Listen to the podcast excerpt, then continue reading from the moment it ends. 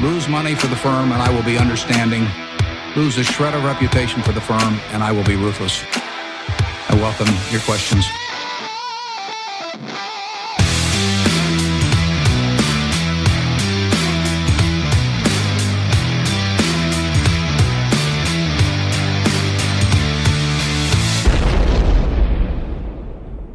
Välkommen till Kvalitetsaktiepodden. Det är jag som är Ola.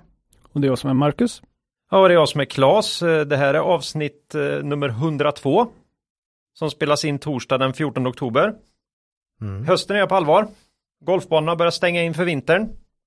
Och det passar oss utmärkt va? Eh, då den kommande rapportperioden verkar bli intressantare än på länge. Mm. Mm. Eh, vi har som vanligt uppdaterat eh, synen på våra favoritbolag innan rapporterna. Och några av dem kommer vi prata om idag. Eh, och inte minst våra kära iGaming-bolag med Betsson i spetsen här. Mm. Eh, de har haft det rejält skakigt efter Hollands oro här. Så är det. Minst det, sagt. Och vi har väl fått lite önskemål kan man väl säga. Mm. Om att vi ska prata om både dem och Kindred. Så en hel del Betsson och något litet om Kindred också kommer att bli. Ja. Eh, sen senast har ju vissa av oss varit i Malaga och spelat golf. Druckit iskall öl i högsommarvärme. under klarblå himmel. Och det föranledde ju frågan Marcus, vad har du gjort sen senast? ja, men det var ju verkligen jättekul för er att ni fick spela golf och mm, dricka öl i solen. Ja, Eh, verkligen kul, verkligen Ja. kul. ja. Ehm, Men det är faktiskt jättefint i Sverige också. Eh, Titta bara på träden med alla fina färger. Och det är ju supermysigt när det blir bläckmörkt på eftermiddagen och så här. Så att eh, det är fantastiskt. Nej, hårt alltså. Men Ja. så där är det ju. Jag brukar ju säga det ibland att livet är inte alltid rättvist liksom. Det, det är Nej. så. Så, sa du det när du inte lät Amanda vinna i år också? I I golftävlingen. golfen? Ja, Ja, lite så. lite så var det faktiskt. Ja. Men eh, jag blev ju två i år igen så att ja, det är hårt. Men eh, ja, ja. skam den som ger sig. Mm. Är det först av förlorarna då eller? Ja, first loser. Men det sjuka är att det säger så ännu mycket mer om de andra som är med. För vi håller ju i det här men det är inte så många som spelar så mycket golf längre. Nej, men i år var det ju, förra året har det varit ganska bra resultat ändå. Ja, Mm. Nej, så det är härligt. Ja, Ja. nej, men du har njutit av träden alltså? Ja, Nu är vi hemma också och Ja. njuter av träden. men sen frånsett Excel-arken då så har jag ju följt den tionde upplagan av The International. Du vet Det vad det är tennis tänker jag. Nej, det är inte tennis. Det är inte tennis. Vad är det för Och det är något? inte Det kan- golf, det vet jag att det är inte golf. Det kan man lätt tro. Vad är det för något? Nej, det är ju då mästerskap i Dota 2, största e-sportturneringen som finns. Oj. Över 40 miljoner dollar i prispotten. Ja, jag har ju hört här- det att du kommer- är, jag, ja, men jag vet ju att du är en sån e-sportare. Det, det är ju, ja, inte du, men du gillar att titta på det. Exakt. Mm. Och då får man ju frågan ibland, varför tittar du på om du inte spelar? Och Mm. då säger jag, tittar du på hockey? Baram, bam, psh. ja, det, är, det, det är klockrent. Så Ja. att, eh, det går att titta på också. Men det är ju, den här turneringen är ju då den största turneringen och den skulle ha gått i Globen i augusti i år då. Men, men då fick ju spelarna inte inresemöjlighet till Sverige då. Så att På Då grund av coviden. På grund av covid. Då Mm. flyttar man till Bukarest för att så man där nere kan man spela med publik. Eh, ironiskt nog har ju Sverige nu öppnat upp medan man har drabbats hårt i Bukarest. Sen har man stängt ner det och det ingen publik där nere nu då. Så att, Ja, vi ska inte skratta eh, Nej. åt det här. Nej, Och med vi menar jag men, jag. men det här covid har ju, det har ju lett till många sådana här Konstiga. konstiga Ja. saker. men det är fantastiskt sorgligt för det är mycket roligare med publik och jag är helt säker på att man har sålt ut Globen liksom för det här så det är Ja. riktigt stort. Men eh, tyvärr. Ja, nej, jag, jag förstår inte riktigt eh, själva spelet än. För jag antar att man måste förstå vad det går ut på för att tycka det är roligt. Men eh, Jag försökte ju lära Claes lite härifrån. ja, Ja. Mm. Men Så att, eh, eh, det ja. går säkert. Mm. Bara man kan en del så brukar det mesta kunna vara roligt att titta på. Ja, Ja, nej men så är det väl. ja. Det går på en Twitch. Jag försökte ju spela ovetande här och det var mycket för att jag fattar, jag fattar verkligen ingenting. Nej. Och det skönaste var när jag tyckte att nu, nu är det, nu är det fullständigt kaos. Mm. Ser inte bra ut för eh, det här laget, säger Macke då. hur, fan kan, hur fan kan du se det? Det kom ju precis ner någon stor bomb och gjorde att det blev liksom halva planen bara, ja. med bara skit. Nej, nej, det var inte bra. Nej. Det var mycket mer guld nu. Det är som när jag såg cricket för första gången i Australien. Det var så här, aj, aj, aj, det var nog den matchen. Va? Vad var det som, vad var det som hände? De, de sitter ju för fan och dricker te. Det, Det var nog den matchen borta. Jaha, vad var det som hände liksom? Jag, jag redan dag ett. redan dag ett liksom matchen var den körd. Ja, mm. så är Ja, det det. är tufft. Ja, nej, men jag inser väl att man kan säkert lära sig det där. Ja, det kan man säga. Ja, så är det. Ja, alltså det är det du har gjort då. Då har du också haft något att göra. Så är det. Mm, vad härligt. Mm. Några, som har, några andra som har mycket att göra hela tiden. Kavaljer eller? Det är Kavaljer. De kämpar ju för sina Ja, eh, andelsägare. andelsägares bästa va? Ja, Mm. det är våran huvudsponsor. Ja. Och eh, de har ju som bekant en global investmentbolagsfond. Mm. Vad är grejen med ett investmentbolag grabbar? Ja, man äger ju eh, massa olika bolag i Mm. ett va. Så att det, det fungerar ju hyggligt bra som en form av riskspridning Ja. faktiskt att äga ett investmentbolag. Och Ja. om du då sätter det i en fondstruktur så blir det ju extremt bra riskspridning va. Ja. Många investmentbolag tillsammans, det blir ju ja, Mumma. Mumma. Ja, Mm. för grejen är ju att eh, du som investerare och förvaltarna i investmentbolaget sitter ju i samma båt. ja. Om, eh, ja, du vill ju att, tillgång, att bolagets tillgångar växer. Det vill förvaltarna också, annars blir de av med jobbet. ja. Det vill de inte. Det vill de Nej. inte. Så där sitter ni i samma båt och sen har vi det här jobbiga då med att det finns så sjukt, särskilt när man är global. Det finns jättemånga investmentbolag, konglomerat och annat. Mm. Vilka ska jag välja, vilka ska jag välja? Och då var du inne på här, nej, det kan ju Cavalier göra åt dig. ja. Cavaliers globala investmentbolagsfond, då är det klappat och klart. Den har ju också gått riktigt bra Mm. och ligger väl först i sin, i sin jämförelse på Morningstar. Och Eh, kollar man fortsatt. investmentbolag generellt över tid så har de ju faktiskt slagit börsen sista 20 åren tror jag. Ja. Eh, In, index alltså. Ganska man ju ordentligt hoppas för i- deras skull. Ja, ganska ordentligt ja. Mm. Annars skulle de lägga ner ganska mycket jobb för ganska lite. Mm. Mm. Så är det. Eh, ja, men så är det ju. Mm. Eh, vi vill också påminna om att eh, Cavalier flyttat hemvist för sina fonder till fondbolaget Bill Bank i Luxemburg. Bill Bank är den äldsta banken i Luxemburg och ägs till delar av den luxemburgska staten. Och i samband eh, med det här så har fonderna fått nya inledningar på sina namn. Ingenting annat har ändrats, förvaltningen är densamma. Möjligen då att det är ännu tryggare nu, för det är ju härligt det här att eh, mindre fondförvaltare som Cavalier kan använda sig av trygga fondbolag som Bill Bank, vilket ger en stor trygghet för andelsägarna. Mm. Bra så. Så är det. Och eh, sen ska man komma ihåg att historisk avkastning i fonder inte behöver vara en indikator på framtida avkastning och att ni kan förlora delar av ert satsade kapital då fonder kan både gå upp och ner i värde. Tack säger vi till vår huvudsponsor Cavalier AB. Ja, börsdata Ola. Ja, det är ju sedan gammalt värdeinvesterarnas bästa vän då. Ja, Vad händer på börsdata, Claes? ja, eh, vi brukar ju säga att eh, börsdata är tjänsten som aldrig står still och bara fortsätter att ge. Mm. Men ibland för att komma framåt måste man ta ett steg bakåt. Vi kan ju till exempel ta vår vältränade vän Value Garp på Twitter va? Som ibland när han ska gå igenom en dörr inser att ah, det här går ju inte. Det är för smalt. Jag kommer inte fram. Då får han ta ett steg tillbaka, vri- vrida lite på de maffiga skuldrorna och sen kan han liksom passera den här dörren och Ja. komma framåt va. Ja. Samma sak händer nu med börsdata. Efter år av flitigt arbete med Börsdatas nya terminal har George och Henrik i all sin visdom beslutat att eh, det är nu det nya Börsdata fullt ut ska in va? Okej. Och det håller vi med om till 100%. Mm. Därför kommer de inom kort stänga ner den gamla Börsdatatjänsten. Mm. Och den blir då istället en ingångssida till terminalen. Som nu är nya Börsdata kan man säga. Ja. Är ni med? Mm. Ja, själv har vi ju, själva har vi släppt den gamla versionen helt sedan säkert ett år tillbaka. Mm. Då historiken kom med fullt ut för nyckeltalen. Och eh, ja, allt som den gamla sidan kunde göra kan den nya göra bättre. Så rest in peace säger vi till gamla börsdatatjänsten och tack säger vi till börsdata. Innan vi går vidare i avsnittet vill vi påminna våra lyssnare om att aktieinvesteringar alltid innebär ett stort risktagande. Aktier kan både gå upp och ner i värde. Satsa därför aldrig kapital på aktier som du inte är beredd att förlora. Det vi säger i podden ska aldrig betraktas som köp eller säljrekommendationer. Gör alltid din egen analys av bolagen innan eventuell handel.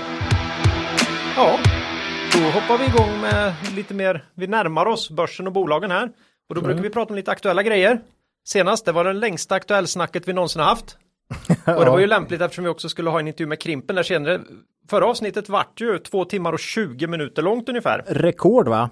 Ja, Vi fick ju till och med lite, lite feedback på lite det. feedback på att vi kanske kunde komma ut en gång i veckan istället eh, för att göra så förbannat långa avsnitt. Ja, och det, det tänker jag så gör vi. Så vi klipper helt enkelt mitt i.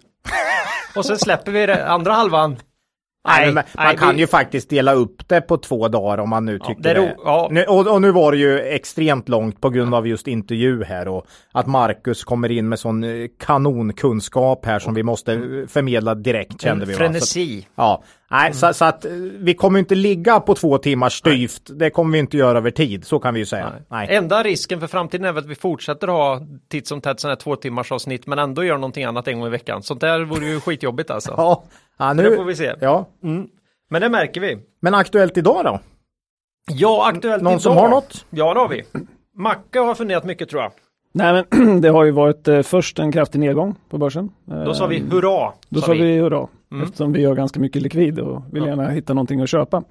Eh, Men sen har det gått upp lite grann de sista två dagarna och då säger vi Åh nej. Åh nej. Mm. Nej, inte riktigt så, men, men det, det har ju varit väldigt volatilt eh, på slutet och det är väl vad vi tror är främst en rädsla för högre inflation och vad centralbankerna kan hitta på. Om det ska bli tapering, så kallat att man drar tillbaka stödköpen eh, och hur det här kommer slå mot bolagen möjligtvis då. Och sen, Jag skulle, en grej där, jag skulle gärna vilja veta vilken lunchrestaurang som, som Ingves eh, och gänget på Riksbanken käkar lunch på alltså. Ve- Vet du det Mac? Du är ju från Stockholm och jobbat i city alltså. du menar i och med att de inte ser någon inflation? Ja, för här i Linköping kan jag säga att priserna på lunchrestaurangen har stad, äh, Går stad, stadigt uppåt. går stadigt uppåt. Men Jag har ju faktiskt varit på, på personalmatsalen på Riksbanken, som en gammal kollega som, som jobbar där. Så jag vet ju att det är en bricklunch liksom av ganska liksom plain karaktär. Så att det har nog inte ändrat så mycket tror jag. det kanske har stått, det, det, kanske har stått still faktiskt Ja. i, i, tio år. S- 80 spänn. Det, därifrån kommer hela den här. Och det är det som är analysen liksom för Ja. inflationen. Ja. Ja, ja. På tal om analys så såg vi faktiskt när vi var där hela direktionen komma eh, från, från hissen då efter att man haft ett sånt här möte där man skulle sätta räntan då. Eh, och då skojade vi lite och sa att de ser ganska likgiltiga ut så det är nog oförändrat. Eh, och, och det var det också. Fan, det är ju, det är ju stoff, det är ju, det är ju journaliststoff alltså. Ja. ja, Tänk om de sett glada ut liksom. Mm. Men, det, men det gjorde de inte. Då, hade, då hade det varit mer stödköp. Mm. Okej, ja, ja. Nej, men, men som helhet är väl en rädsla för vad, vad Q3-rapporterna kommer, kommer säga, Mm. eh, eller egentligen vad bolagen kommer säga. Eh, och sådana kommentarer kommer nog få ganska stor påverkan. Eh, och mycket av den här informationen kommer ju komma i vd-orden då, eh, som ju vi alltid läser noggrant. Och jag tänkte det kunde passa kanske att vi pratar lite kring, kring vd-orden, Ja, det är väl kanon. hur man Ja. kan se på dem. Ja, Vi tog det, vi sa vi skulle prata lite om det, vi tar ingen fråga idag och sådär utan och vi krystar ingen heller utan vi vill prata om vd-ord och då gör vi det mm, inför rapporterna här. precis.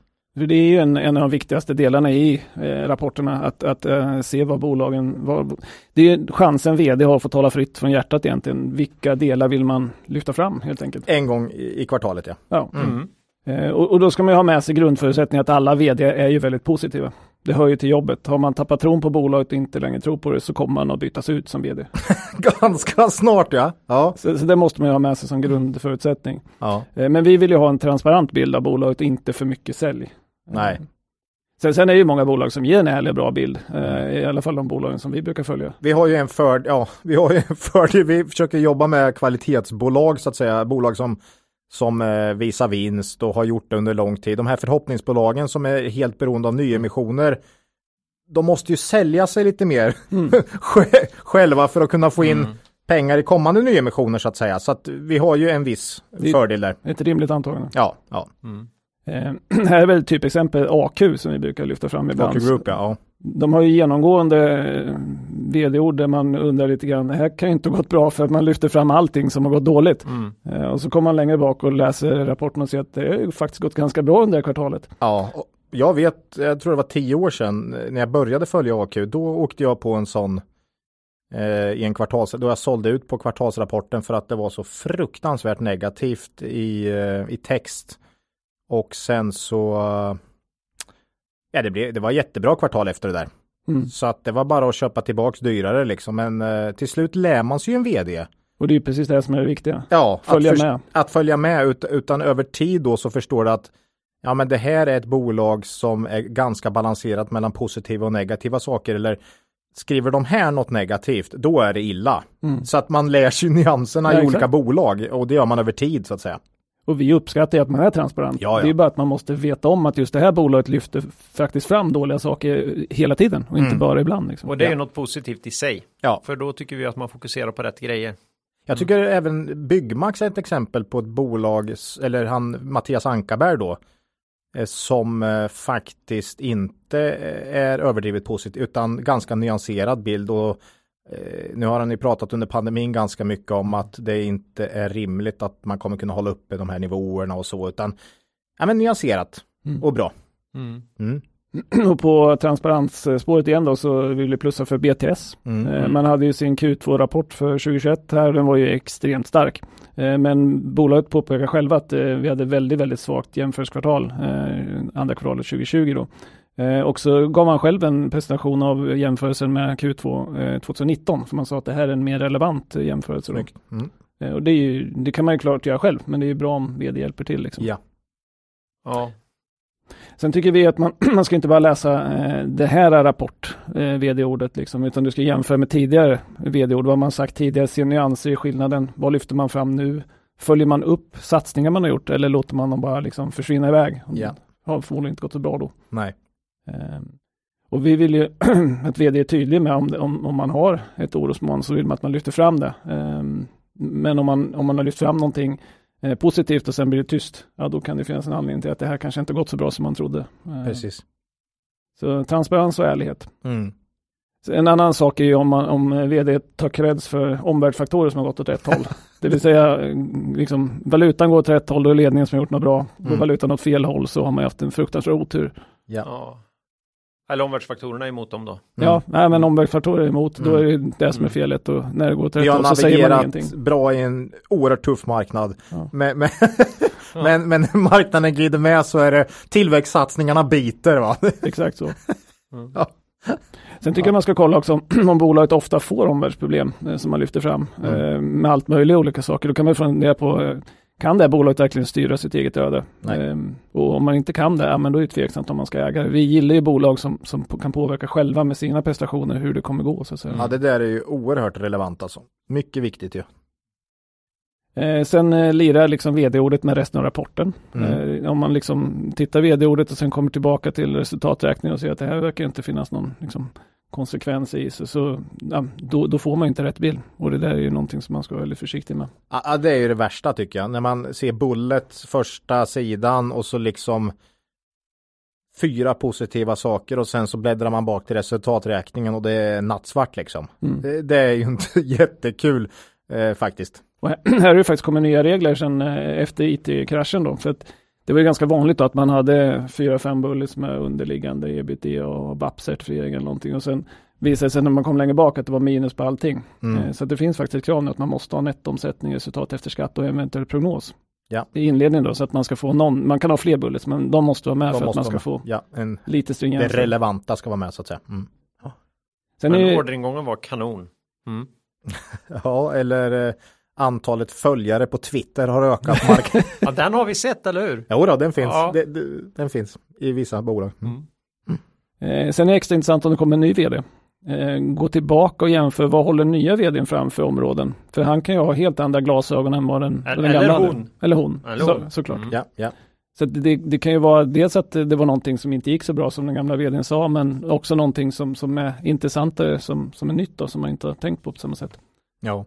Så hålla extra koll. Men, men det gör ju också lite svårare när man byter vd eftersom man har ju inte den här eh, historiken som vi pratade om tidigare. Och vi är ju ofta alltid, eh, vi är alltid lite oroliga vid vd-byten ju. Mm. Och det bör man ju vara för det är ju någonting, någon ganska, en, en viktig person som kommer in och kan sätta en ny prägel Mm. eh, på ett bolag. Så att eh, vd-byten är ju något man ska vara vaksam på.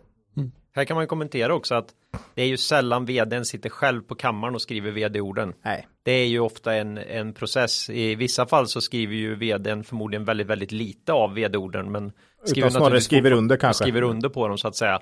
Så, och det tror jag är en styrka i de bolag där det är, funkar så. Mm. Att man blandar in mer av, mer av ledningsfunktionerna i det så att säga. Garanti- CFO får ju, det är många Mm. som läser igenom det där innan det släpps såklart och, och kanske har synpunkter. Och det kan ju också göra att, att en, eh, just vd-ordet kanske inte alltid förändras så där vansinnigt mycket när det kommer en ny vd. Den kommer förmodligen vilja ta lite rygg på vad som gjorts innan. Men däremot så kommer en vd ha stor, stor inverkan på vad som händer i ett företag. Mm. Så det är nog läge att läsa några stycken efter, Ja, efter ett vd-byte innan man kanske riktigt får se, se den nya vdn komma igenom. Ibland byter man ju inte heller. Eh, eh, vi har ju Phoenix Outdoor då där där vd blir styrelseordförande och bara iskallt fortsätter att skriva V- eh, Styrelseordförande ordet. Ja, styrelseordförande ordet. Så ibland blir det bara som vanligt. Ja, men det, i vissa fall är det säkert vd som skriver. Punkt. Ja, det tror jag säkert. Jag skulle, det skulle oerhört förvåna om inte Torsten Jansson är den som knoppar ihop de där orden Han i är, början. väl, För, för det, han är väl ledningsfunktionen i Ja. New Wave. Att, ja, men, men, men i, i vissa fall kanske det är något, något group effort. Så att, Ja. ja. Det är jätteolika, garanterat. Bara att man tänker på det. Ja. Sen kan man ju säga att i och med att folk läser de här så pass noga så läggs det ju ner rätt mycket tid. Ja. Det, det ska man också tänka när man ser att det har formulerats om lite grann. Att det ligger nog ganska mycket tanke bakom den omformuleringen. Och, och om man kollar utländska bolag som ger prognos, mycket vanligare utomlands, vi har Mm. pratat om det, Danmark och Norge, då är det ju liksom eh, från stark till, eller liksom från eh, eh, positiv till kraftig. Alltså den typen av förändrade Värdeord. värdeord eh, blir ju väldigt viktig. Och BTS har ju alltid haft det här med eh, högre än, än, eh, än föregående år eller eh, klart högre. Så Mm. att liksom, ja, Mm. vad, vad, de där orden blir ju väldigt viktiga. Sen, sen tycker vi att man ska kolla vad säger vd ingenting om just nu. Ja. I bolag som har lite dålig transparens så är det ett sätt att liksom fånga upp vad är det som kanske inte har gått som man hade tänkt att det skulle gå. Mm. Att, em, Sant. igen, följa upp med gamla vd-ord och se vad man lyfter fram och vad man lyfter, lyfter man inte fram nu då så att säga. Mm. Eh, sen eh, om bolag ska ta in nya pengar till exempel, titta noga på hur man motiverar det. Om det här är en tillväxtsatsning, liksom offensiva förvärv, Swedol, Nibe med flera, eh, så självfallet bra idé att teckna värdeskapande. Men om det bara får stoppa in i svarta hålet så bör man ju dra öronen åt sig. Mm. Men sen kom ihåg att vd-ordet är ju bara en del av analysen. Det räcker inte med att bara läsa vd-ord. Då kommer det ofta hamna snett. Särskilt om man pratar sådana här förhoppningsbolag som är extremt positiva i, i rapporterna. Utan det gäller ju att värdera den här informationen, lägga med den som en del i analysen. Men, men eh, vd är av naturen positiva. Eh, Så du kommer hitta väldigt få vd-ord som är extremt negativa. Utan naturen positivt, men man måste liksom värdera. För min egen del kan jag säga att eh, på rapportsläpp så är det resultaträkningen först direkt till resultaträkningen, kolla posterna, sen vd-ordet. Och, och, och eh, framförallt försöka följa upp, finns det några engångsposter här? Eh, så då får man ju gå ofta till resultatsnacksdelen eh, där de skriver att vi har lagt 3 miljoner på eh, nytt IT-system eller eh, vad det nu är. Och sen till prognoser och framtidsutsikter. Prognoser om det finns Om eh, det framtidsutsikter. Framtidsutsikter har ju många, men många eh, skriver ju bara lite allmänt och sen HiQ ger inga prognoser. Mm. Men nej, men, men resultatet, jag brukar alltid börja med, med hard facts och sen gå till vd-ordet Mm. eh, och leta om det är några engångsposter då. Och då vill man att de lirar. Ja, gärna så, gärna så. Så att det inte är det där att det är oerhört positivt och, i, i vd-ordet och oerhört negativt i resultaträkningen. Ja, nej men det där är intressant. Ja, och Eh, kan de inte vara positiva om verksamheten som sådan? Vi har väl suttit och tittat på en hel del rapporter nu. Eller rapporter, läst gamla kvartalsrapporter också från våra kära bemanningsföretag här under, mm, under pandemin. Det har inte varit så himla muntert kan man säga. Men då kan de ju istället vara väldigt positiva runt det arbetet de gör för att försöka parera det här. ja, Och det kan också vara viktigt att se att man har liksom inte tappat hoppet. Men man kanske väljer att inte fokusera så mycket på att okej, då är vi tre, då är vi ner ytterligare 10% på antal konsulter här. nej. Utan hur, hur hanterar vi det då när det gäller overhead och Ja. lokaler och, Mm. sådär. Och gör, gör någonting positivt av det så att säga. Att Mm. vi har en idé om hur vi ska hantera den här Ja. förhoppningsvis övergående situationen. Mm. Och sen Am- kan det finnas några som nog, det skiner igenom att man har tyckt att det varit ganska hopplöst Jo, också. Mm. så är det ju. Nej men det här var väl, det är väl kanon att tänka på inför rapport, rapportperioden som drar igång nu ju. Ja, Eh, faktiskt. Är man inte van att läsa vd-ord tycker jag man ska börja. Ja, mycket viktigt. Mm. Och bra bild av nuläget, ofta. I alla fall i de bolag man bryr sig mest om. Mm. Definitivt de bolag man har i sin portfölj. Ja. Så är det. Eh, det var lite om vd-ord. Mm. Ja, då ska vi hoppa på. Idag blir det sex bolags eller bolagskommentarer. Mm. Eh, delvis inför rapportperioden naturligtvis. Ja, Eh, ett nytt bolag idag. kul. Det är inte så ofta, Nej. så det, det blir det. Eh, en liten längre grej på Betsson här inledningsvis, där det kommer komma in några små kommentarer om Kindred. Ja, Eh, jag kommer nog skriva att vi pratar om Kindred i eh, avsnittsbeskrivningen här, men det är ju i huvudsak Betsson. Mm. Det handlar om, men många frågar om Kindred hela tiden så då blir de upprörda. om vi har pratat en del om Kindred och inte jag har berättat det. För då, Nej, det ja du vet hur det är. Men då kommer de på K och vi ska slänga in. Ja, Vi slänger in dem direkt nu i början ihop med Betsson. Snyggt, snyggt. så är det. Ja. Eh, ja, Är det, är det, De här är det på, är på grund av vd-byten då, du Betsson eller? Nej. nej det är på grund av neder, Nederländerna skulle jag Okej. säga. Det är högaktuellt. Ja, det är Macke här som ska... Nu spo spoilar du slutet lite. Ja, nej men eh, spel om pengar på nätet är det här. Eh, mest kasino men även en del sport. Båda var med i avsnitt 97. Så det var inte länge sedan.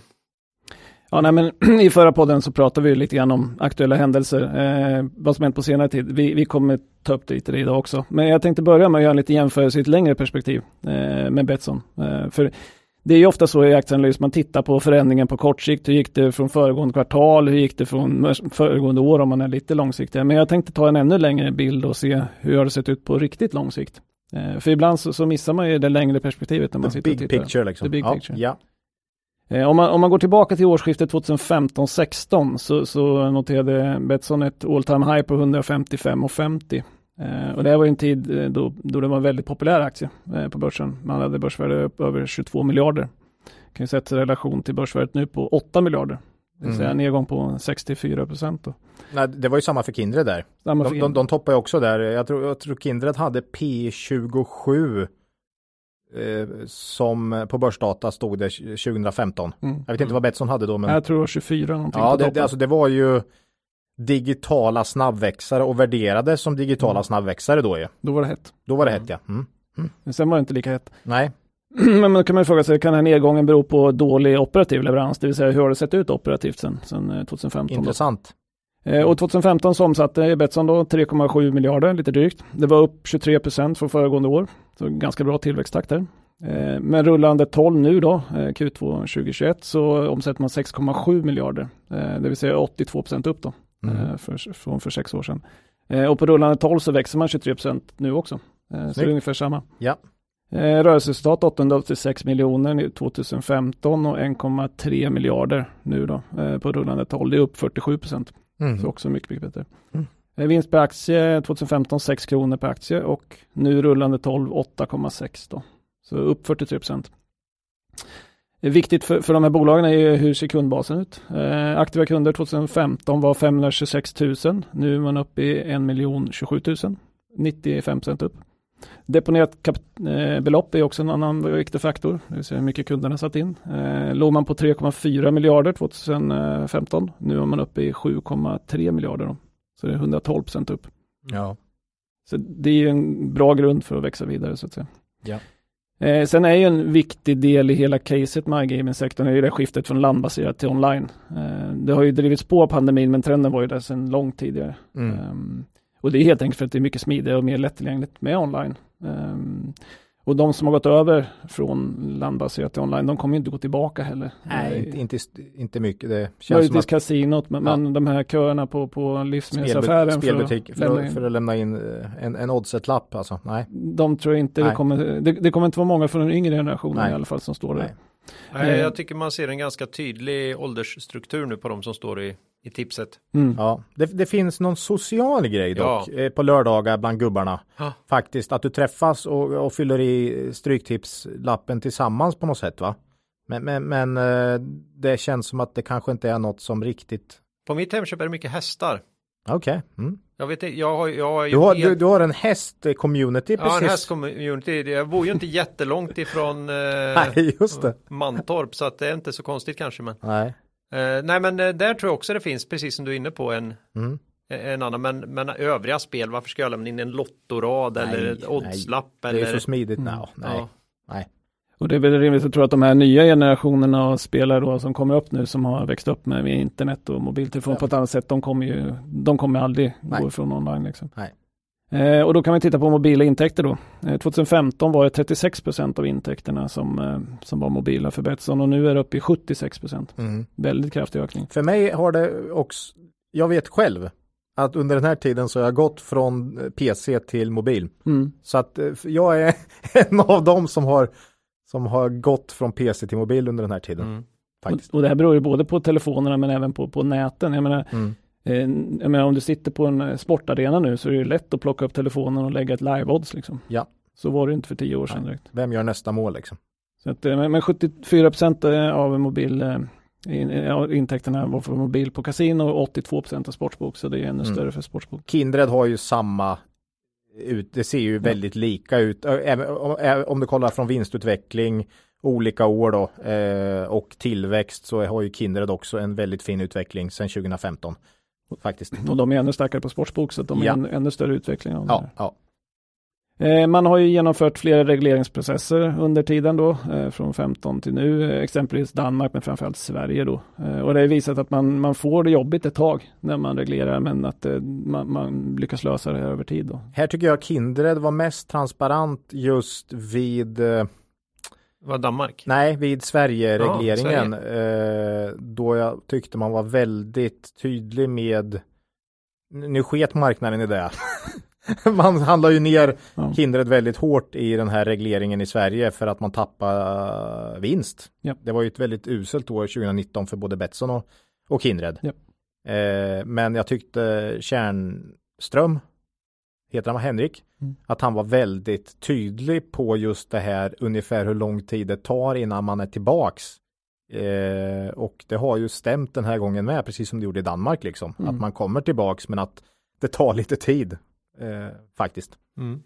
Så att eh, ja, Sen- Sen eh, har man ju en bättre geografisk eh, bredd i, i, i Betsson. Man har Norden har gått från 61% till 31% Västeuropa från eh, 31 till 24. Inte helt jämförbart det hette EU förut, men, men åt det hållet. Europa, Centralasien från eh, 30, uppe på 34% var 11% tidigare. Här, det tar ju sammantaget ner risken. Däremot så är det lite synd att man är så eh, dålig transparens på vilka enskilda marknader man har. Eh, Ja. Vilket ju liksom Holland var tydliga exemplet på. Här. och dessutom är det här omsättning och inte ebit då. Exakt. Mm, så att eh, det är bra spridning på omsättningen men Holland, eh, Hollands problematiken här visar ju på att det är ganska stor skillnad på, på ebit och omsättning här då Mm. i de här bolagen tydligen. Och här har vi ju problematiken med, med, Betsson och eh, Turkiet. Mm. Ja. Turkiet inte står för mer än en 16 till 18 procent av eh, omsättningen men det förefaller som att vinstandelen är klart, Klart mycket större. högre. Mm. Ehm, Och det, Turkiet är väl det vi har nämnt. Turkiet och Holland är väl det man har nämnt under lång tid som de stora riskerna i framförallt Betsson eh, och för Kindred Holland Mm. egentligen. Mm. Eh, mm. Och man har ju sett hur, hur valutan i Turkiet har gått och där har man sett vilken påverkan det får på Betssons Ja. vinster. Så det är uppenbarligen att stor del kommer därifrån men Mm. det är ju dålig transparens på hur stor del det är. Mm. Vilket ju i och för sig börsen har prisat då. Ja. Ehm, och det är möjligt att man skulle kunna få en bättre värdering om man hade, var mer transparent. Så att säga. Mm. Ehm, men som framgår av det här då så har ju verksamheten förbättrats eh, liksom angående antal kunder, deponeringar, mer eh, mobila in, intäkter, eh, omsättningen upp, vinst upp. Ehm, så, så vad är det som egentligen har hänt som, som motiverar en så pass stor nedgång? Mm. Eh, Då plockade jag fram ägarbilden då för eh, slutet på 2015 eh, för att se hur den såg ut. Och på den här ägarlistan då så hittar man, nu blir det en liten uppradning av, av eh, vi börjar med Swedbank eh, Robur fonder, Lannebo fonder, Handelsbanken fonder, eh, SEB fonder, Första AP-fonden, Länsförsäkringar fonder, AMF fonder, Nordea fonder, Tredje AP-fonden, Carnegie fonder, Öhman fonder och Didner och Gerge fonder. Får jag gissa hur många av de där som är kvar? Och nu ska du gissa hur många som är kvar på ägarlistan Jag nu. tror ingen av dem är kvar. Svaret är noll. Noll ja. Mm. Mm. Nej men du har ju haft ett extremt säljtryck där. Mm. Mm. Och Och, det är vad beror det på? Och det är klart att det här, ja det är väl ESG själv, men det är Ja. klart att det slår väldigt hårt mot, eh, mot aktiekursen. Ja. Och det kan jag säga, det är precis eh, samma utveckling i Kindred. Eh, Det, det har ju varit precis på samma sätt. Mm. Mm. Och tittar man på ägarlistan eh, nu då istället så är det mycket amerikanska bolag. Fidelity, Vanguard, Goldman Sachs, JP Morgan, Blackrock, Roundhill och så vidare. Mm. Man har ju bytt ut ägar, ägardelen nästan helt. Ja. Eh, och det är ju inte helt intellektuellt logiskt att förstå att fonderna kunde äga Betsson. I stort sett ingen del av verksamheten var reglerad. Eh, men att det liksom... Nej. Och det är Eh, samma sak, det kändes det väldigt konstigt att majoriteten av det här tyckte jag, om jag kommer ihåg rätt, skedde 2018, 19, framförallt 19. Mm. Det vill säga just när riktiga regleringen började liksom komma Mm. runt om. Det vill säga nu ska det bli rumsrent och, och sådär. Man det reglerar var, i Sverige där fonderna ja, liksom finns. och det var liksom. då de stora utförsäljningarna kom. Men så länge de var helt oreglerade så var det, så var det okej. Men det, det var ju, det den- lugnt. det, hela ESG-trenden har ju, har ju, ligger bakom mycket av det här. Mm. Mm. Men Betsson har spellicenser i 19 länder så att Ja. eh, man får ju Ja. större del, andel. Eh, Ja. Man är uppe i 32 procent, gick ner lite grann eh, det här kvartalet för man hade kraft, kraftig tillväxt i Latinamerika som inte har reglerat än. Här ligger ju Kindred högre. Kinder ligger högre. Ja. Och det är bättre Ja. eh, på sikt. Mm. Eh, men det är positivt för aktien då att man inte har kvar de här fonderna som ska sälja ut sina aktier utan att man redan haft det här säljtrycket. Så, att säga. Ja, ja. Eh, så det finns ju förutsättningar för att det kan stiga sen. Även om jag, jag tror inte att ESG-fonderna kommer köpa in det här eh, igen. I närtid. Nej, ESG-fonderna kommer ju inte, men det känns som att det är alltid någon som vill äga något som, som tjänar pengar. Eh, sen vilka det är som äger det får man se, men Men, eh, nej, men det är så, en, en låg värdering kan inte bestå hur länge som helst. Nej. Förr eller senare kommer någon och köper det. Ja. Ehm, sen har ju bolaget ett verktyg till att ta till och det är ju återköp. Eh, är aktien lågt värderat så är återköp vä- värde, värdedrivande. Ehm, jag läste att Buffett ska ha sagt om återköp i IBM att de får gärna återköpa alla aktier utom de som vi äger. det är briljant alltså. Eh, Ja, Det var lite kul. ja, det var kul. Eh, Men Betsson gjorde ju det här i covid-nedgången. Mellan 20 och 26 mars 2020, det är ju nästan, det är ganska nära botten. Eh, Så återköpte man 1,7 miljoner aktier på kursen mellan 32 och 36 Ja, det, är ju, det, det kommer jag ihåg snyggt. Här kan man väl säga att Kindred har väl inte än så länge, alla, eller nej, de har inte tajmat det lika bra kan man säga. För de köpte inget i, i raset vad jag kommer Nej, ihåg, men däremot har man köpt en hel del eh, senaste tiden på runt 150 spänn då. Mm. Så att Kindred har eh, inte lyckats med återköpen så här långt. Sen får man se på sikt kan det ju vara bra, men eh, då, då, just nu ser det inte bra ut. Nej. Det kan man ju säga kopplat till Betssons framgång att en, en, en, vd, en sån vd med en sån timing är man ju ofta jävligt rädd om. Alltså. Ja, Det är viktigt det är viktigt att de stannar. att Ja. man har dem. Liksom. Mm. Eh, nej men återköp med makulering av aktier förbättrar ju de finansiella nyckeltalen. Till Ja. exempel vinst per aktie. Eh, man slår ut vinsten på färre antal aktier då. Mm. Eh, stjärnexempel på svenska marknaden är ju Swedish Match. Eh, mellan 97 och eh, 2019 då så minskar antal aktier från 463 miljoner till 163, det vill säga 65 procent ner. Shit! Ja. Det gör en rätt stor skillnad på vinst per aktie. ja. Eh, och mellan 97 och 2019 så var ju totalavkastningen i Swedish Match nästan 4000 procent. Mm. Och det är ju trots att man har då en aktie som ratas av fonderna av ESG själv sedan länge då. Tobak Mm. är inte något som man vill äga då. Nej, nej. Eh, så att sen har ju bolaget gått bra med, med liksom nikotinfria eh, snus och så vidare. Men, men det visar att det finns en väg framåt om man har en väldigt låg värdering att, Mm. att återköpa sig framåt. Så att säga. Det skulle inte förvåna mig om, ja Kindred återköper ju just nu då, Mm. vad jag vet, eller de håller på i alla fall. Men, men eh, Betsson, Jag tror de har tyst en period inför ja rapporten. så är det ju. men det. börjar Men de börjar säkert igen. Ja. Får se om Betsson också drar igång det där igen. Eh, och det, det var ju den långa bilden då. Så den Ja. långa bilden är ju positiv skulle jag säga. Ja, Ehm, För men- båda de här. För båda. Mm. Men- Men sen finns det ju då en problem på kort sikt. Eh, och vi börjar väl med vd-frågan eh, som du touchar på lite Claes. Mm. Eh, Vi, vi förstår ju inte hanteringen eh, och vi förstår ju inte bytet heller. Vi, det är en sak om Pontus ville avgå eh, och kände att han var klar. Men det var ju uppenbart att så var inte fallet. Nej. Eh, och vi har ju bra förtroende för Pontus och tycker att eh, det är bra att han kommer in i styrelsen men vdn har ju mycket mer direkt påverkan på verksamheten så att vi skulle gärna se att han stannar kvar. Solklart. Jag såg att det var något upprop där på Twitter att rädda Pontus kvar. eller något Jaha. liknande. Det är Nej, men svårt att få det kan man ju inte sticka under stolen med att han har varit en av anledningarna till att man har haft eh, ett bra, ett förtroende. Mm. För att han, väldigt bra track record helt enkelt, Mm. har- han haft tycker jag. Och då blir det ju det här igen, när det kommer in någon ny så ska man bygga upp förtroendet Ja. igen. Mm. Eh, Och då kan man fråga sig vem är drömkandidaten då? Då skulle man väl säkert säga att det är någon från Evolution-gänget som vill ha en liten utmaning. Mm. Eh, Gå från något som går fantastiskt bra till något som, som man behöver jobba lite mer på. Eh, kanske inte så troligt men det hade varit häftigt. Mm.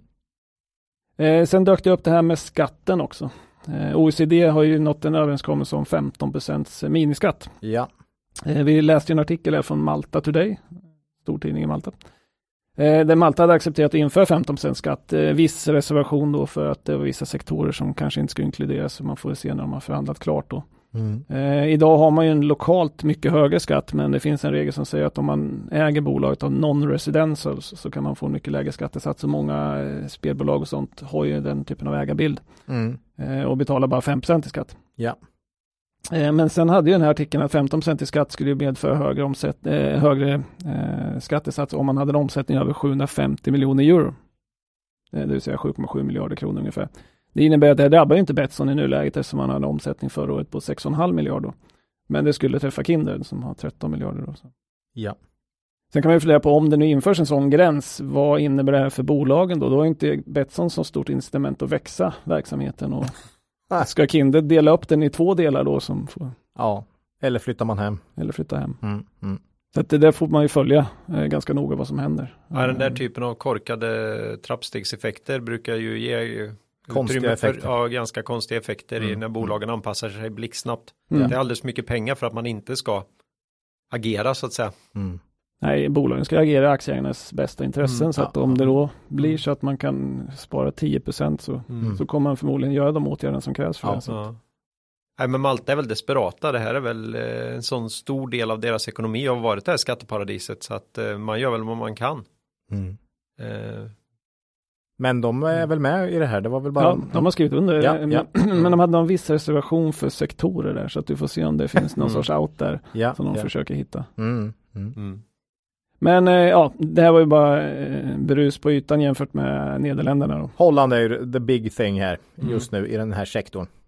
Och, då kommer vi tillbaka till det igen att det har inte varit helt transparent. Man, man får liksom hur mycket som är i Europa och så vidare. Men man har inte fått veta hur mycket omsättning och vinst i Holland förrän nu då, när Nej. den försvann. Nej.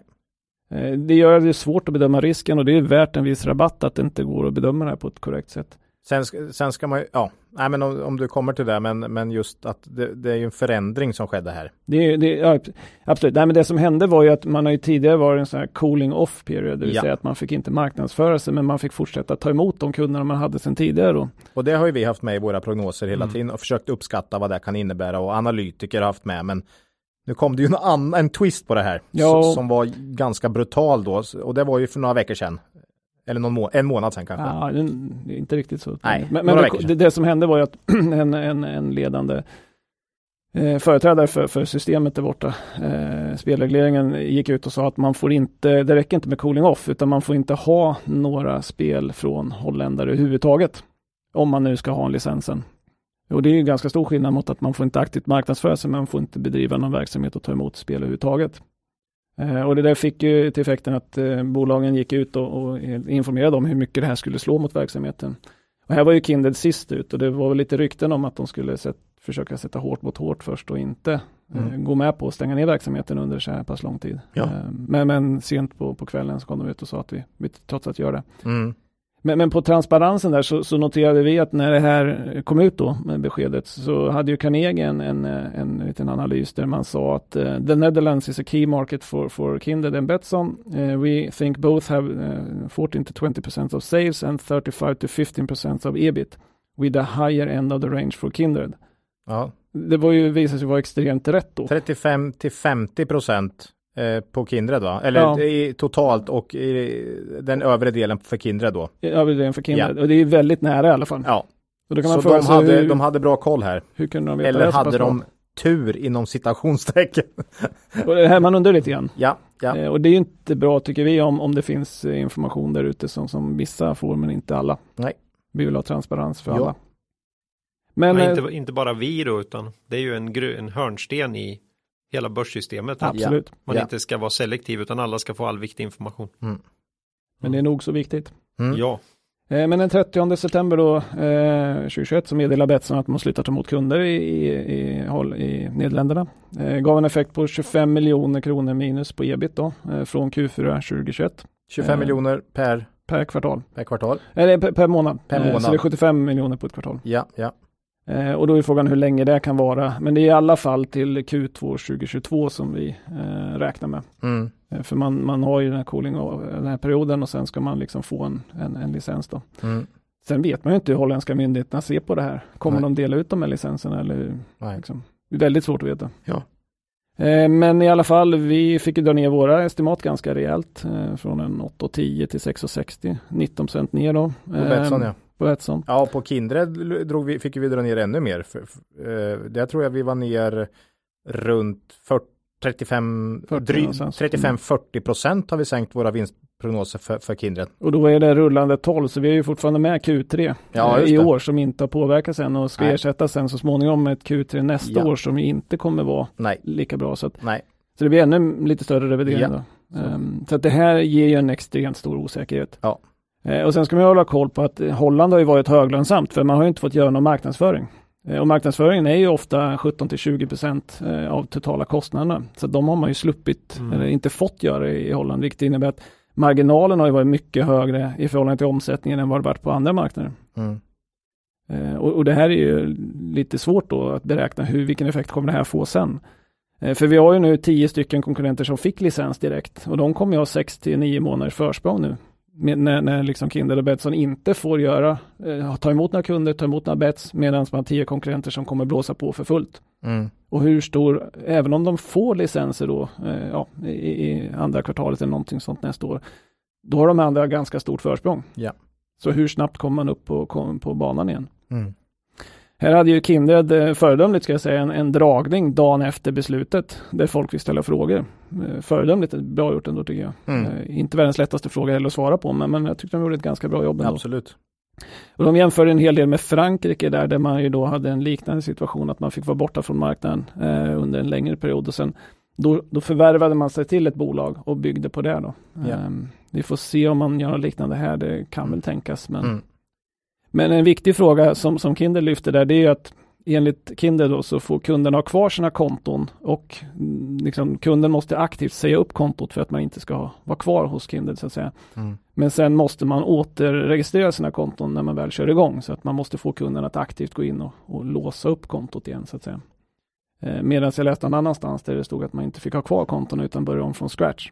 Det där får ju en ganska stor effekt och det lär väl klarna här ja. eh, framöver. Precis. Eh, men det är rimligt att anta att när man nu inför ett nytt system med licenser och tillåter marknadsföring så kommer alla blåsa på med marknadsföring.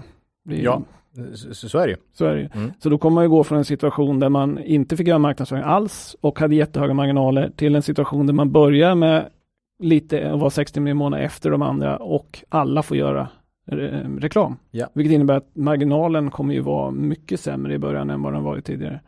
Ja, och man måste ju kämpa för att få tillbaka sina spelare för ja. Det är det. Om, man, om man ska vara lite ärlig här, deras bästa spelare kommer inte sluta spela och säga, ja då får jag göra ett uppehåll här nu då.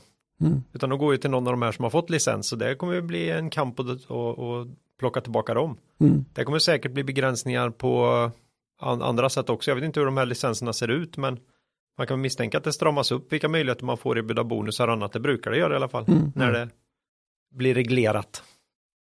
Jo, nej, men så det, är väldigt eh, rimligt att anta att marknadsandelen kommer ju vara mycket lägre i början mm. i och med att de andra fått försprång och man kommer sämre marginal mm. när man kör igång. Och vi såg någon analys där man trodde att det kommer ta till 2023 när man når vinst här. Mm. Så vi fick väl in någon fråga från någon lyssnare där man sa att ja, det här blir bara ett år bort eh, och sen är man tillbaka på vinsten igen. Det tror ju inte vi. Nej, det tror vi inte.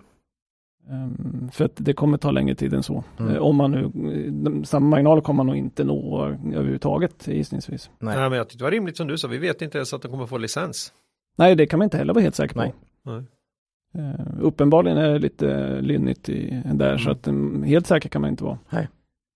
Så det här gör ju en stor osäkerhet. Sen, sen kan man säga att på sikt, så igen då, långa perspektivet så kommer man ju säkert absorbera Jag tror ändå man kommer få licens till sist. Man har ju ändå en profil, särskilt på Kindred, av att man, man faktiskt tar liksom, spelfrågorna på allvar. Och liksom, ja. Så jag skulle ändå bli förvånad om man inte får licens, men, men det kommer ta ett tag. Sen är ju Holland en intressant marknad, för jag läste någon undersökning från Europeiska bettingförbundet där man 2019 hade kollat på det och kom fram till att 19, eh, 17 procent av all betting eh, sker online i Holland. Det okay. kan jämföras med Sverige som har 58 procent. Så det mm. finns ju en stor potential för, för de här eh, globala eh, mm. online-aktörerna eh, att, att, ta en stor marknad. Då. Just det. Men eh, slutsatsen av det här blir att det är för stor osäkerhet i nuläget. Um, vi hade ju senaste, senaste podden en liten post i Betsson, men den sålde vi ut direkt när det här kom ut då. Ja, vi hade en väldigt liten post i Betsson kvar. Vi sålde väl det mesta runt 80 spänn då. Eh, här för ett antal månader, mm. några månader sedan eller så. Kindred har vi inte haft på väldigt länge mm. och det är ju av motivet just att och det har jag också fått lite frågor om. Varför har ni inte mer i spelsektorn? Jo, just på grund av det som har hänt nu. Mm. Det finns en politisk risk här och man vågar inte ha för mycket i en sektor. Generellt vill vi inte ha det i en sektor, även om det inte politiska risken är jättetydlig i en sektor. Men här blir det än viktigare tycker jag att ha inte allt för mycket i en sektor som är tydligt utsatt för politisk risk. Mm. För då dras, det finns ju risk att alla dras med så att säga. Men det blir ingen diversifiering eftersom Nej. samma faktor Nej. träffar alla. Liksom. Så Kindred har vi inte haft på länge och vi äger inga Kindred. Betsson äger vi inte heller längre. Eh, men där hade vi en liten post när Holland kom ut. Mm. Mm. Men det är väl Aspire som har varit Aspire är ju det som vi har berättat om och det är ju det vi äger i sektorn och vi försöker bara ha ett bolag i sektorn för, för mm. tillfället. Då. Och de har ju räddat oss här. Det är ju stor sannolikhet att vi hade suttit på någon av de här ja, annars. Ja, men det har det aktuellt kanske. Det har inte det sålde, hade de sålt det? Ja, Aspire har ju, precis som vi ska ta det då, så har ju de faktiskt kommit ut med nyhet som vi har väl hoppats på ett tag då. Mm. Eh, och de har ju sagt under ett halvår nu att de har sin B2C-verksamhet under ja, vad ska man säga, man ska utvärdera den. Mm. Eh, och nu kom det faktiskt då eh, att man säljer hela den delen till ett amerikanskt bolag. Eh, till vad vi tycker var ett bra pris. Det tyckte amerikanerna med, vad jag förstår. Men det är väl den här kopplingen mellan olika värderingar i, i Europa och, och, USA som gör det möjligt då. Faktiskt. Men, men, nej, men det ser vi som väldigt positivt för eh, renodlad B2B är mindre risk. Om inte annat så ser man ju det mm. på de här, vad som har hänt här nu. Mm. Eh, så är det. Det har väl varit högre multiplar helt enkelt på ja. B2B-leverantörerna. Ja, det är ju så. Det är ju så. Eh, men eh, som sagt, eh, vi står utanför Betsson och Kindred i dagsläget för ja. att osäkerheten är för stor och det brukar vara svårt för börsen att handla upp aktier när vinsterna går neråt helt enkelt. Ja, det är, ofta, det är väl våran jag ska säga, något vi har på något sätt känt i erfarenhet mm. att det är väldigt svårt att få bra kursutveckling i, i aktier där vinsten krymper ganska mycket. Ehm, men eh, här tycker jag det handlar väldigt mycket om tidsperspektiv. Mm.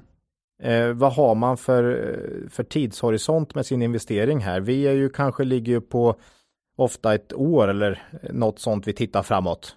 Eh, men har man eh, liksom haft en fem år så tycker jag liksom Kindred och Betsson är väldigt intressanta investeringar. Och vi tog ut Kindred i vår buy and hold mm. förra året. Mm. Eh, och vi tror ju att det är ett bra långsiktigt bett med tanke på de här trenderna som du har mm. berättat mm. om här. Eh, liksom. Nej, men det är svårt att se på lång sikt att det här inte skulle vara rätt. Man Nej. har megatrender som jobbar rätt riktning. Och dessutom får du aktien nu till ett klart lägre pris än, eh, än för no någon månad sedan. Ja, nej, men så, så Eller aktierna. Mm. Så att Ja. Så att, eh, nej, jag, jag äger aktier i pensionsspar just ja. på temat de långsiktiga trenderna finns där. Mm. Eh, men på kort sikt så kan det bli eh, kanske ännu jobbigare. Ja. Men, eller, men, eller, så går det upp. Eller så går det upp. Nej, men, men, det, men det brukar erfarenhetsmässigt så brukar det ha svårt att gå upp när, när de här rapporterna kommer in på morgonen. Men, men har man ett riktigt långsiktigt perspektiv så tror vi att det är bra köplägen att, att gå ja, in nu. Ja. Men, men, man får vara beredd på att det kan, det kan bli ännu värre. En guppig resa. Ja. Mm. Mm. Nej men så är det ja. Sen är ju liksom de här operatörerna uh, möjliga uppköpsobjekt. Det är ju en konsolidering som pågår i sektorn här. Men mm. som vi brukar säga, det är ju inte det enda man ska enskilt betta på. Nej, nej. Ja. Mm. Eh, nej men sen eh, slutligen då, mm. lite grann kring B2B-leverantörer och det har ju pratats en del i Sverige om leverantörslicenser. Eh, vilket ju eh, varit tyst om ett bra tag, vilket förvånar mig lite grann. Eh, som jag förstod det förslaget som man hade i Sverige så var ju då att de som levererar spelen till operatörerna eh, skulle också avkrävas att vara med i ett licenssystem. Där skulle leverantören då vara tvungen att ansöka om en licens och man skulle inte få någon licens om eh, man även levererade spel till aktörer som inte hade licens, det vill säga de grå aktörerna då. Ja. Och som eh. levererar spel i Sverige. Eller? Ja, men på, på just den mm. marknaden i mm. Sverige. Om man, har man ingen, eh, ingen som har licens i Sverige så spelar det, eh, tror jag inte man skulle kunna kräva det. Men, men, i alla fall ett sådant system skulle innebära att spelleverantören då måste välja, ska jag leverera till den vita marknaden, det vill säga de reglerade aktörerna, eller bara till de, eh, den grå äh, delen. Och den vita delen är ju 75 till 90 procent lite beroende på vad man frågar. Eh, hög, mm. Högt om man frågar Spelinspektionen och lågt om man frågar operatörerna. Kindred, ja. Men, men, alla leverantörer av kvalitet och storlek som, som Evolution till exempel, de måste ju då välja att leverera till, till de reglerade aktörerna eftersom det är så stor del av marknaden. Mm. Och, och, det här skulle då göra att de som kör svart eller grått eller hur man ska uttrycka det, de kommer ju få ha second tier leverantörer av spel. Eh, vilket ju inte är lika kul för de som spelar där, vilket driver tillbaka eh, trafiken till de reglerade operatörerna igen. Mm. Och, det här, och då blir det mer skatteintäkter och eh, de etablerade operatörerna får helt enkelt en högre marknadsandel. Så det här känns ju som en win-win för mm. både reglerande myndigheter att få in alla i systemet och för alla operatörerna att, att få in mer folk till den reglerade delen. Då. Det är väl Evolution som har varit ute och hotat här kanske. Jag vet inte. Ja, det är ju konstigt. Vi, vi förstår ju inte varför inte det här införts. Nej. Det är en win-win för i stort sett jag alla. Jag vet inte om det finns i något land. Jag har inte sett i alla fall. Nej, jag vet inte heller, men man kan ju tänka sig att om det här införs i ett land eh, och blir väldigt framgångsrikt, det vill mm. säga att man får en väldigt hög kanalisering till den reglerade delen, så, så kommer det här att sprida sig till de andra länderna som ser att ja, den här lösningen var ju smart. Så mm. att jag tror ju att det här kan, eh, kan, kan bli en, eh, kan bli någonting. Och jag förstår inte varför det inte har hänt innan.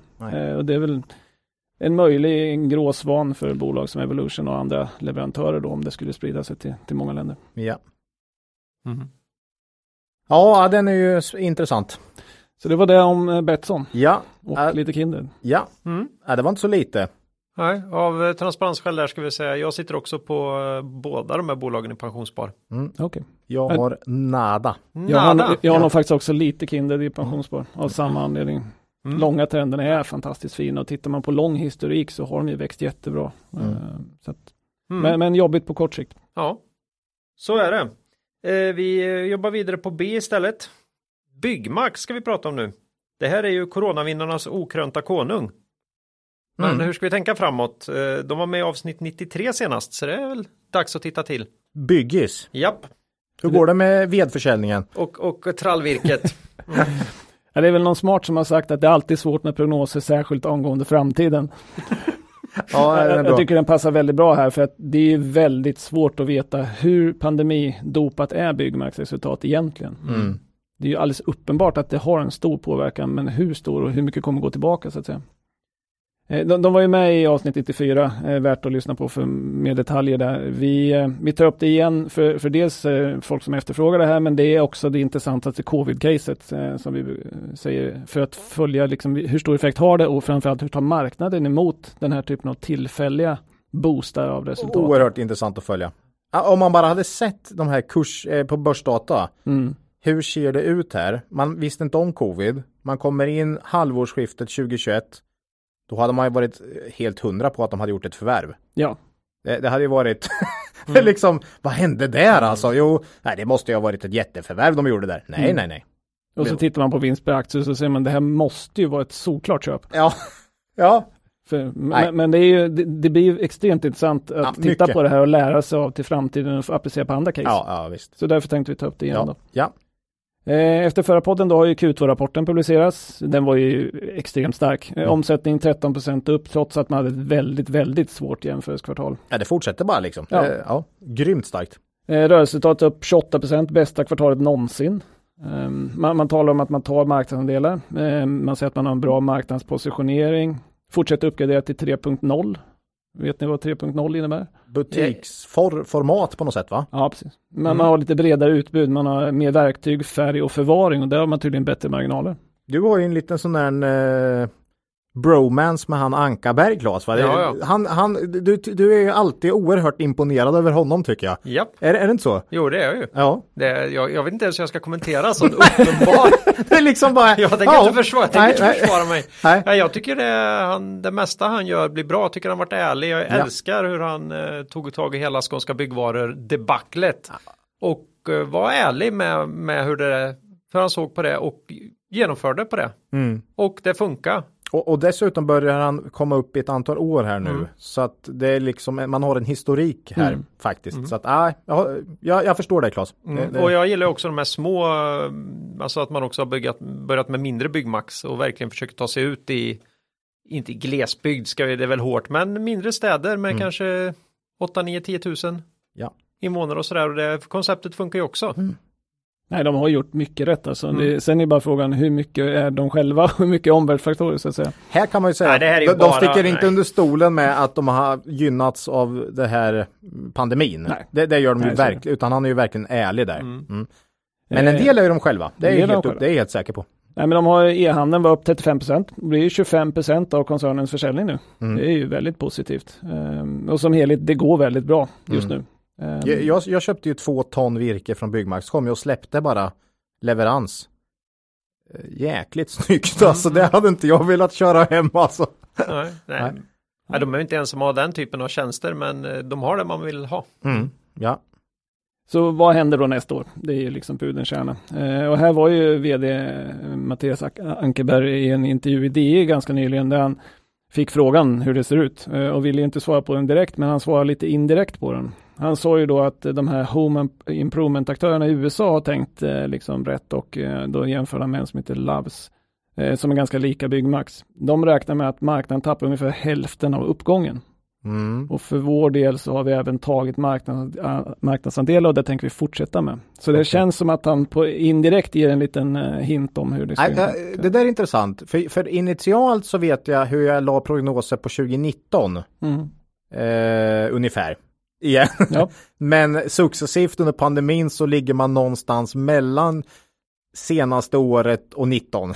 Och det är ungefär det han säger. Ja, mitt emellan då, kanske lite över mitten då. Mm. Eh, Ja, intressant. Eh, och Byggmask eh, har ju då presenterat ett långsiktigt mål och det är ju en av de sakerna vi, vi kommer att prata lite grann om. Eh, de sa då att vi ska uppnå en nettoomsättning på 10 miljarder 2025. Rörelsemarginalen mätt som ebitda, eh, ebitda ska uppgå till mellan 7 och 8 procent. Man ska alltså uppnå ett resultat på 7 till 800 miljoner om fyra år.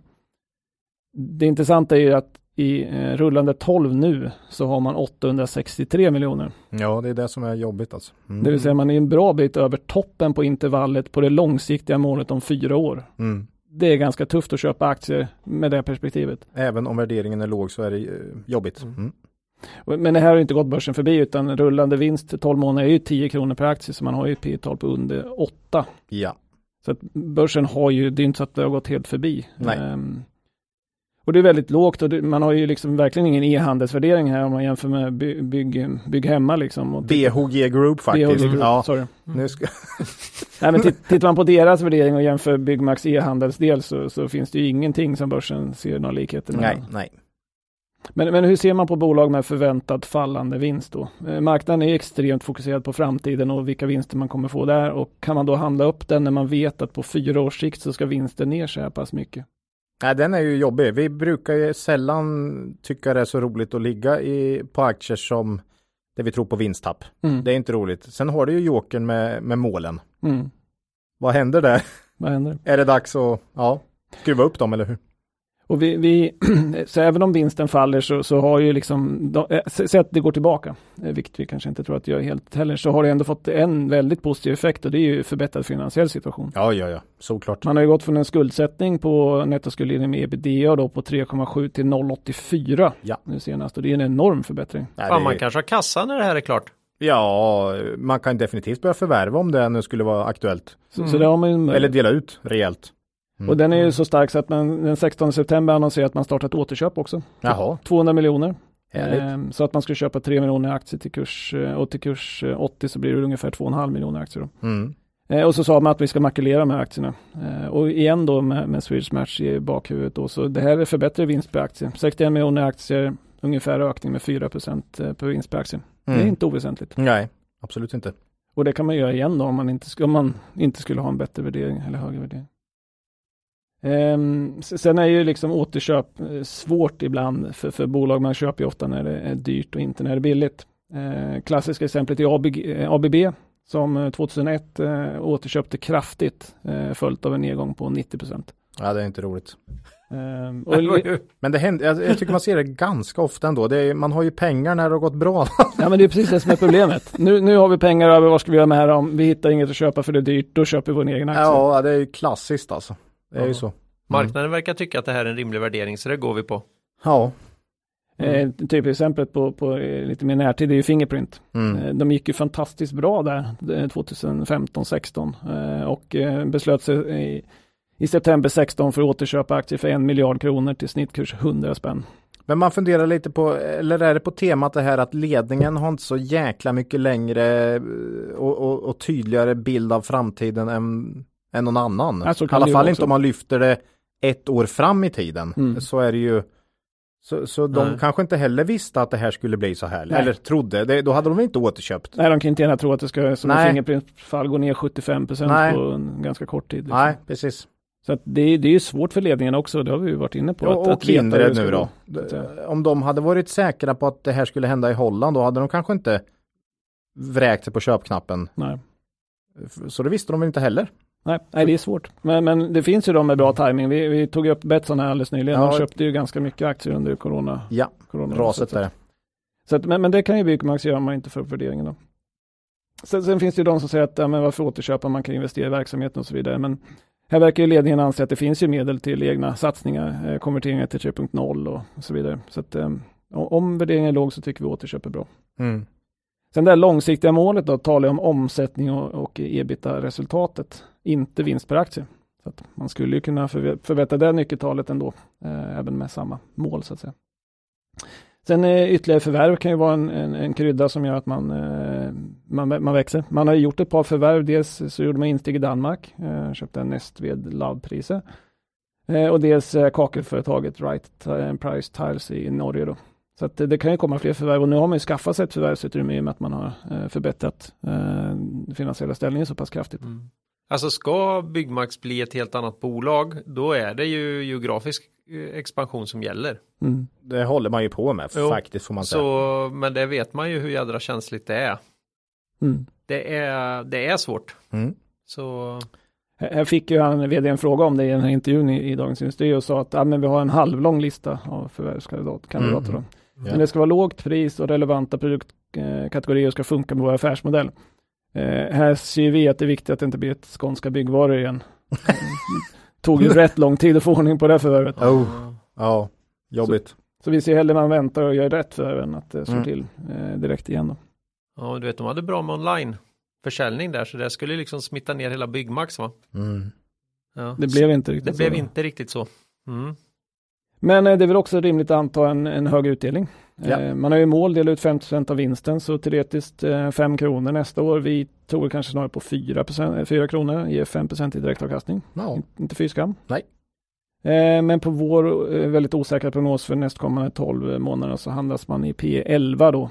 Eh, Men, och det är ju såklart lågt, men det är ju ganska stor osäkerhet här. Mm. Um, Men, men igen då, om man är riktigt långsiktig så känns ju de här ingångsnivåerna bra. Mm. Eh, Byggmax kommer med Q3-rapport den 19 oktober. Så då får vi lite svaret på om man kunde matcha förra Det- årets Det är nästa vecka. nästa vecka. Mm. Det drar ihop sig. Eh, det finns ju även en chans att man skruvar upp de långsiktiga målen. Och här ser vi en, liksom, skulle man göra det så blir det ett mycket mer intressant case att köpa sig in i. Ja, Eh, och då skulle nog aktien gå upp en del tror jag faktiskt. Det- absolut. Eh, För, för det håller nog tillbaks en hel del. Det är ungefär som Holland skulle gå ut och säga att nej, vi kör som vi sa från början. mm. ni, ni har tolkat fel. Då kan jag lova att, eh, att eh, Mm. Kindred och Betsson skulle röra sig uppåt igen. Mm. såklart. Eh, nej men eh, som sagt, det här kommer bli den förmodligen mest intressanta bolaget att studera marknadens reaktioner på. Hur kommer man på marknaden hantera en sån här tillfällig uppgång Mm. eh, och en, en, minskad vinst liksom. Så, att, Ah, bra studieobjekt det där. Oerhört spännande blir det Ja. att se. så det ska vi följa väldigt noga. Mm.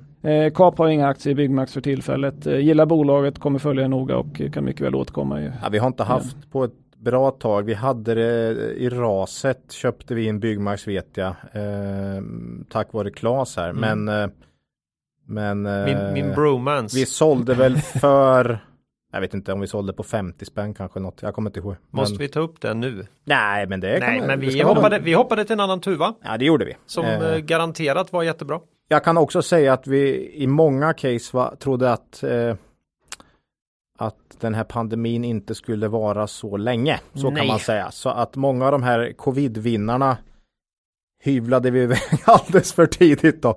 Eh, för det var inte lätt att veta riktigt där. Nej. Jag tänkte på det här med bolag som skulle kunna få en bra uppstuds om något reverserades. Academedia här om sossarna skulle säga Nej, vi, vi att de, drar, att de drar tillbaka sin, sitt förslag. Då, Mm. då skulle den också kunna bli lite, lite rally. så är det. Mm. Nej, nej, Apro, skojar bara. apro, apropå politisk risk då. Mm. Mm. Eh, Jag, jag kollar förresten, jag har faktiskt några eh, enstaka Byggmax kvar i ett pensionsspar också. Ja det är rätt. Ba, bara för Ankarbergs skull om inte annat. Mm. Har inte du det Claes? Alltså, jag har ju inte det. Nej men Nej. fy fanken. Ja, du får sitta och mysa med, på konfkålet här med, med Ankarberg nästa vecka Claes. Det, ja, Nej, Jag, eh, var väl, jag vet inte. Jag, jag tycker inte vi pratar om det. Jag Nej. tycker vi går vidare. Ja. Jag tycker vi går vidare Ola ja. och Macke. Eh, anledningen till att jag sa vi går vidare Ola är för att nästa bolag ska Ola säga lite om nämligen. ja. Det här är ett bolag eh, som var, med som vanligt lysande framtidsutsikter. Mm. Med senast i avsnitt 87 och det var riktigt också. eh, Byggmax var ju med i avsnitt 94 senast. Jag Mm. sa 93, du sa 94, 94 ska det vara. Oj. ja. Eh, Fagerhult däremot var med i avsnitt 87 så det var ju längre sedan då. Mm. Belysningsföretaget. Från Habo ja, utanför Jönköping då. Det här är faktiskt också precis som Kindred med i våran buy and hold eh, från förra året och ja, nu är det ju två månader kvar ungefär, men den har ju haft en eh, mar, ja, vilken utveckling eh, årets buy and hold har haft. Eh, Oerhört kul faktiskt eh, att följa den. Mm. Eh, Men Fagerhult är ett av de bolagen som är med där. Eh, Man utvecklar, tillverkar och marknadsför belysningssystem för publika miljöer och för kommersiella fastigheter, det vill säga inga Inga glödlampor på, eh, på din lokala ICA och så Claes. Nej. Utan det här är belysningssystem mer då för, Mm. för B2B. Ehm, här har faktiskt Fagerhult haft ett riktigt tufft 2020. Om nu Byggmax och Kindred och Betsson har haft det väldigt kul under 2020 Mm. så har det, det har inte alls varit kul för Fagerhult då. Då kan man fundera på vad då då liksom bygg eller eh, ljus och, och sådär. Men ah, det var en hel del eh, som inte tog några beslut alls vad gäller den här typen av eh, installationer och dess är man ju oerhört tunga i södra Europa. Så mm, många av deras fabriker och säljkontor fick stänga. Ni kanske inte kommer ihåg det här men fabrikerna var ju stängda förra året faktiskt. Mm. Så de kunde liksom inte eh, leverera. Mm. Eh, på den nivån var det ju i Italien och, Absolut. och så. Mm. Eh, så att nej, det var ett väldigt tufft år eh, 2020 för Fagerhult. Första halvåret 2021 här eh, har dock inneburit en tydlig återhämtning för verksamheten. Dock bara 3 om, 3 omsättningstillväxt då. Eh, justerat för valuta eh, så är den dock väldigt mycket bättre. Man avyttrade dessutom Lightning Innovations i Sydafrika här vid årsskiftet som man eh, länge har velat, ett förlusttyngt bolag. Och det bidrog ju med en del omsättning förra året som inte finns med nu då. Mm. Men, Men- Lite bättre marginaler. men bättre marginaler, Mm. ja. Eh, orderingången har dock eh, successivt förbättrats markant och under Q2 steg den nästan 30% jämfört med förra årets Q2 då. Men som sagt, då var det ju väldigt svagt då förra året. Eh, resultatet upp eh, i år kraftigt, precis som för många andra bolag. Man har passat på att städa här också eh, under pandemin och det har ju väldigt många gjort. Eh, Fagerhult har, Fagerhult har ju en haft en ganska ansträngd balansräkning ändå. Så man var ju genuint orolig skulle jag säga här. Eh, Man fick dra ner på en hel del personal och man la all framtidsutveckling på is under föregående år. Eh, Och dessutom ställde man ju såklart in utdelningen precis som eh, precis som många andra. Så att balansräkningen har ju förbättrats här även om det inte alls är på Byggmax Nivå. nivå. För resultatet har ju varit klent så att säga. Ehm, ja, eh, nej men balansräkningen är bättre eh, och den var jobbig förra året. Nu känns den hanterbar skulle jag säga. Man har slagit in på förvärvsspåret igen här nu under våren. Tyder väl också på att man känner att man nu är lite mer eh, uppe eh, över ytan igen då. Mm, och man har faktiskt inte förvärv på två år här och man har en historik med ganska mycket förvärv. Eh, Så att eh, det här är ju intressant. Eh, man har ägt aktier i båda de här bolagen innan. Så att man har varit delägare eh, så man kan nå de här bolagen ganska bra. Så risken känns ganska låg på de här två förvärven. Eh, lite som vi pratade Kabe där, kommer du ihåg? Mm. Nej men det är bra. Vi gillar ju, vi gillar när man har gjort en DD och har man ägt dem innan så en bit så. Då vet man ju. Ja. de har fått resultatrapporter i många år här säkert. Så att, eh, ja, Nej men man köper inte grisen i säcken. nej, nej. Nu kommer inte de här påverka bolaget sådär jättemycket, men ändå. Ehm, det här är ju ett bolag med väldigt fin historik. eh, Om vi då stannar innan pandemin. och, och, och, det är ju så vi har gjort faktiskt när vi har kollat historik på många bolag. För pandemi kan ändå inte vara någon form av normalläge så. Jag hoppas inte i alla fall. Nej, vi hoppas inte det. Så vi har ju faktiskt när vi har kollat på liksom vad, vad, hur, hur levererar det här bolaget över tid så så brukar vi, har vi nu stannat på 2019 i de här som har haft extrem mm. eh, jobbig påverkan. För på börsdata ser det ut som att vinsten har minskat i snitt med 10% per år sista 10 åren för att man gör ett katastrofår då. Så det blir lite taskigt då. Nej, men Fagerlund har väldigt fin historik. Man har ju dessutom någon form av möjlig ESG-stämpel här tycker jag med det här med lägre energiförbrukning faktiskt mm. Eh, vad gäller för belysning då. Så att det här är ett case, bra stabil historik. Man är uppe på en storlek företagsmässigt som gör att många fonder kan äga dem. Mm. Eh, och man är liksom ett ESG tänkbart case. Det är i alla fall ingen, inget bolag som kommer ratas. Eh, så att jag förstår att Fagerhult kan vara intressant för en hel del. Man kanske kan köpa in lite elladdare? ja, äh, då, det räcker då, med 10 procent. Äh, då är det ju dubbla värderingen alltså, det, så är det ju. Mm. lite, lite, uttag på lyktstolparna där bara så är det, så är det ja, klart. Ja. Eh, jag har försökt uppskatta kommande kvartal här siffermässigt då, då och eh, omsättningen bör ju kunna öka fint om man kollar på orderingång och så där nu. Eh, och jag tror att marginalerna blir bra då med tanke på städning av verksamheten föregående år, även om man flaggar lite för leverantörsproblem. Men Fagerhult är nog en av de här tillverkande bolagen som jag tycker pratar om det minst. Yep. Eh, så man har inte varit så där jätteoroliga för man har ju mycket tillverkning i Europa och så också så att jag vet inte kanske den här till viss del men allt kommer det var någon som sa ja men förr eller senare allt kommer från Kina från början ändå. mm. Ja lite så är det ju. Ja det kanske är så. Ja, nej men man har inte pratat så mycket om det men jag, jag mm. tror faktiskt på en ganska bra eh, vinstutveckling för Fagerhult kommande år. Och jag tror på 3,30 vinst per aktie i år och eh, räknar man på den historiska vinsttillväxten på runt 10% per år så kanske det blir 3,60 då nästa år. Någonst, mm. någon, någonting där. P 18-19 och det är väl där någonstans han har nog legat lite högre till och med historiskt i snitt. Eh, kollar man på börsdata nu, en varningens finger här, då står det 16 här eh, i redovisad vinst och det innehåller en jätteskatteintäkt här i Q4 förra året. Så stirra inte er blinda på det, för då tror ni att det här är billigare än vad det är så att säga.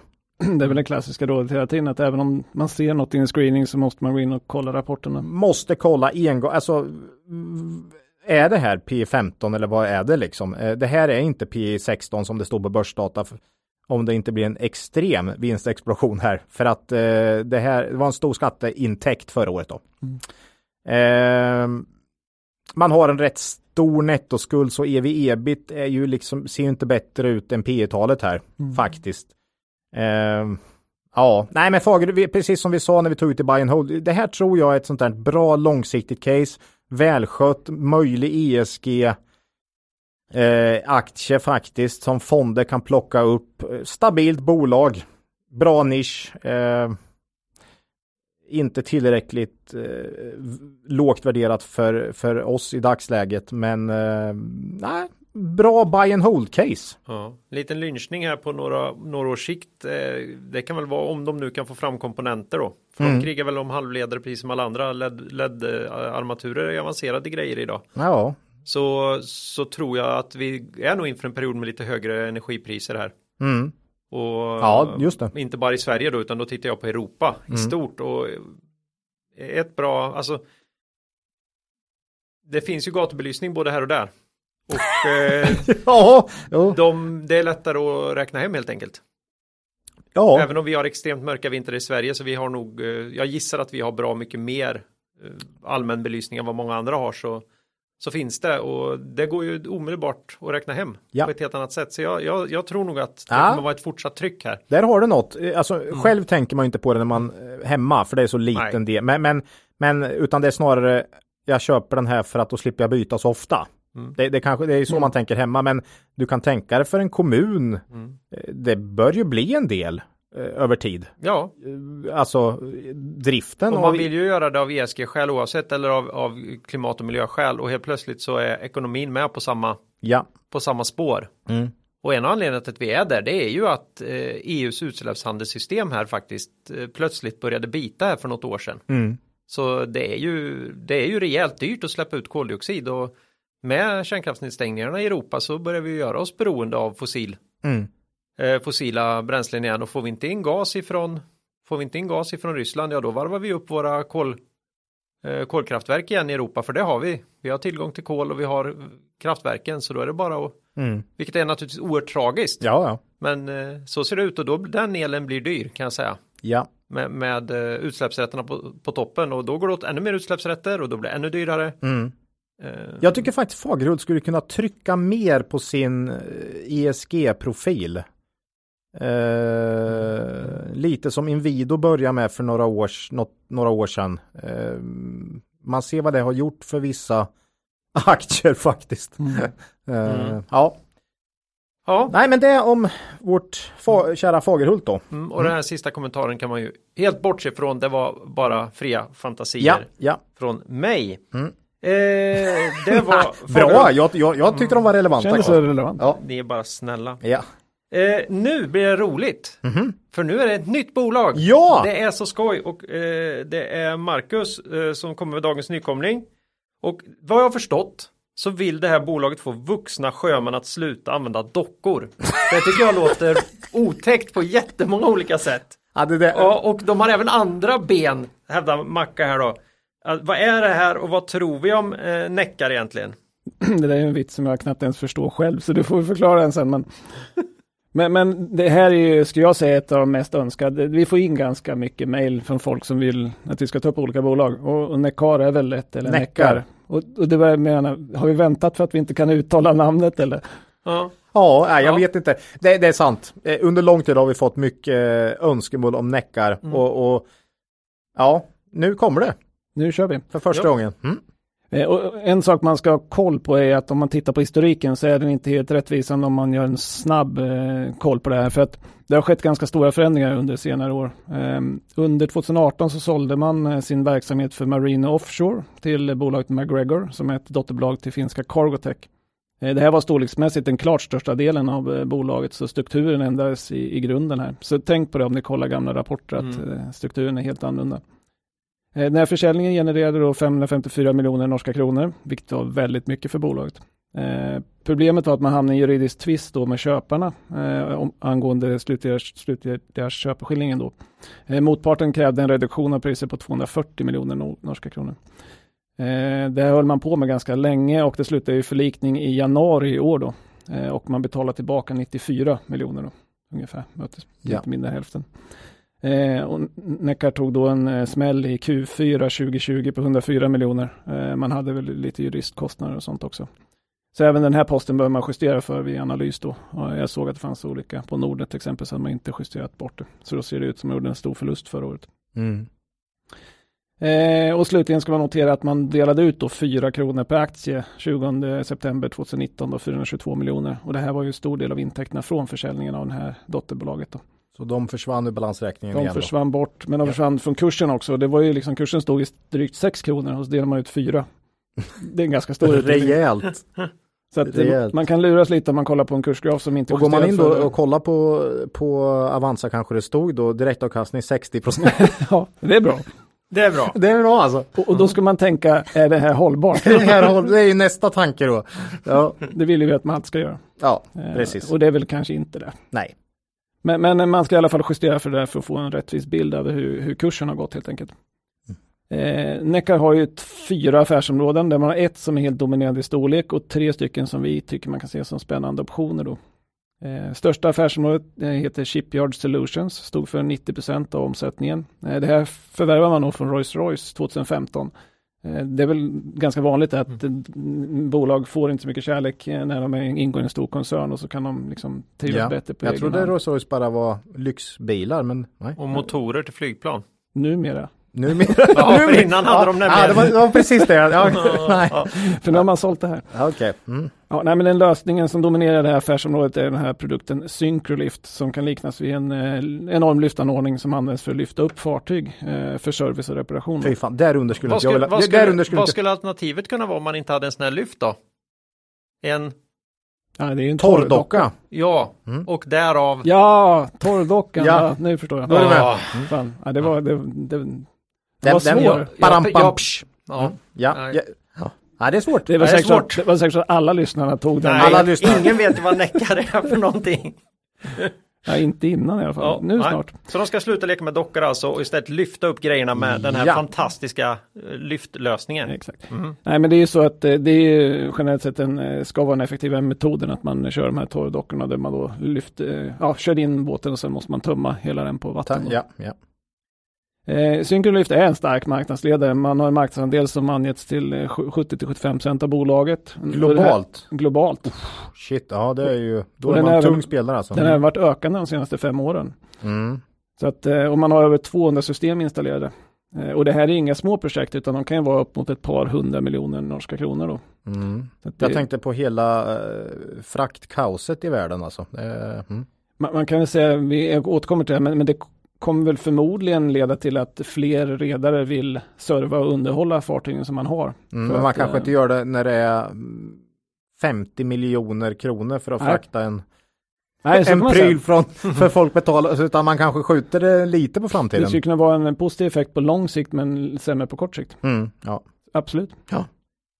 Mm. Ehm, nej men här har man som sagt 200 system runt hela världen. Ehm, man har varit väldigt framgångsrik under senare år på att ta nya projekt. Man har orderbok på nästan en miljard norska kronor. Då. Oj. Mm. Eh, sen, sen var det ännu högre i, i utgången av 2020 och under H1 2021 har man inte tagit några stora projektorder. Eh, bolaget säger att man har inte förlorat några order för det har helt enkelt inte varit några stora upphandlingar. Som man har väl egentligen inte haft några order överhuvudtaget. Ja, man har tagit några mindre serviceorder. Kommer Jo, men jag det, tänker så, alltså det är ju inga nya, nya sådana här byggnationer som har gått igång. Nej, exakt. Eller som ska komma igång. Det utan- kanske är, min spaning kanske inte var helt ute och Kan vara, men det, är ju, det här är ju de som bygger själva dockan. Ja, alltså in, inte redarna som bestämmer. Det känns som att det är också extremt som liksom projektstyr så att eh, just time, he- kommer det två i andra halvåret här så blir det bra ordering liksom. Så Ja, att- men det är exakt så. Och- Ja, ja. Mm. Och bolaget sa ju också att det är stora projekt. Covid har ställt till det lite grann. Det är svårt att resa, eh, resa Ja. runt. Det här är Ja. inte något man beställer på nätet liksom. Nej, nej. Vi tar ett litet Teams. Jag klickade hem en liten, Jag har en liten hiss här. jaha, Kostar 200 miljoner norska. Det är som hittat. nej det är inget man klickar hem på, på, på Rusta direkt. Vart, vart ska du ha denna? Ja, det... Ja, nej. Eh, nej, men eh, bolaget sa på sitt konfkål efter Q2 att normalfallet så görs det två, tre affärer och vi tar åtminstone två. Ja, det där med projekt, alltså det blir ju jävligt viktigt om man tar en eller två ett år. Ja, det. blir lite skillnad då. Ja, Och man sa att man lyckats väldigt bra under föregående år eh, i och med att man hade så stor orderingång. Då. Ja. Eh, den här stora orderboken gör dock att man har bra beläggning även om man inte får några nya order nu. Um, orderboken består av 12 projekt. Man räknar med att 3 till 4 projekt går i land eh, 2021. Uh, eh, de flesta blir klara 2022 och 2023. Men man har ett stort amerikanskt som ska gå i land 2024 då. Så att man har beläggning ändå uh, i verksamheten. Man hade en väldigt stark eh, rapport för första halvåret här 2021. Eh, intäkterna upp 65 procent, eh, operativ rörelsemarginal upp 169 procent. och inga förvärv inblandat där. Inga förvärv. Nej. Så det är väldigt, väldigt starkt. Sen, sen ska man hålla, komma ihåg att H1 normalt är svagt, så att det var det här som stack ut ordentligt. Vilket kan ha en viss del i den starka ordergången 2020. Då. Sen hann inte marknaden upp det här så kraftigt som man kanske kunde tro när siffrorna var så bra. Eh, Och förmodligen är det en besvikelse över orderingången då att man inte tog några nya stora order. Mm. Ehm, Men man hade ju flaggat för att eh, orderingången 2021 inte skulle vara lika stark som 2020. Ehm, Men som sagt, eh, det verkar som börsen blev lite besviken ändå. Eh, dock så, så, så sa man också att man tror på high activity i, i andra kvartal, i H2 då. Så att vi får se om det kommer några större order. Men det är väldigt svårt att veta. Som sagt, stora projekt vet inte exakt när de går i mål. Och det här kan liksom rasa in i januari istället. Kan bli. Då missar det ett år så att säga. Mm. Men men det, man, man fick som sagt inga stora nyförsäljningsprojekt, men man fick eh, tre nya order på servicekontrakt då, på 41 miljoner totalt. Då. Eh, och det är bra att man tar servicekontrakt för de har sagt att det här är ett prioriterat område eh, för dem då. För att det är inte lika, lika känsligt för, för, som de stora projekten. Eh, historiskt sett har man inte varit lika starka heller på servicedelen eh, som, som på ny, eh, ny installation. Då. Eh, och man borde kunna växa den här delen och det är ett eh, prioriterat område för dem. vd angav på konfkåret också att många av kunderna de har sin egen service så att de, de köper inte in den då. Men att Necar nu håller på att bygga upp en en, en serviceorganisation för att ta nya servicekontrakt. Då. Då fick man frågan, men det måste vara bättre marginal på service, för det är det ju i alla andra branscher. Men då sa man att vi har så bra marginaler på nybyggnadsprojekten så att det är inte alls säkert att det i början kommer vara bättre marginaler så det ska man ha lite koll på. Mm. Eh, och man, man, man, sa också att man behöver bygga upp en serviceorganisation eh, för att kunna ta de här kontrakten och det kommer kosta lite pengar.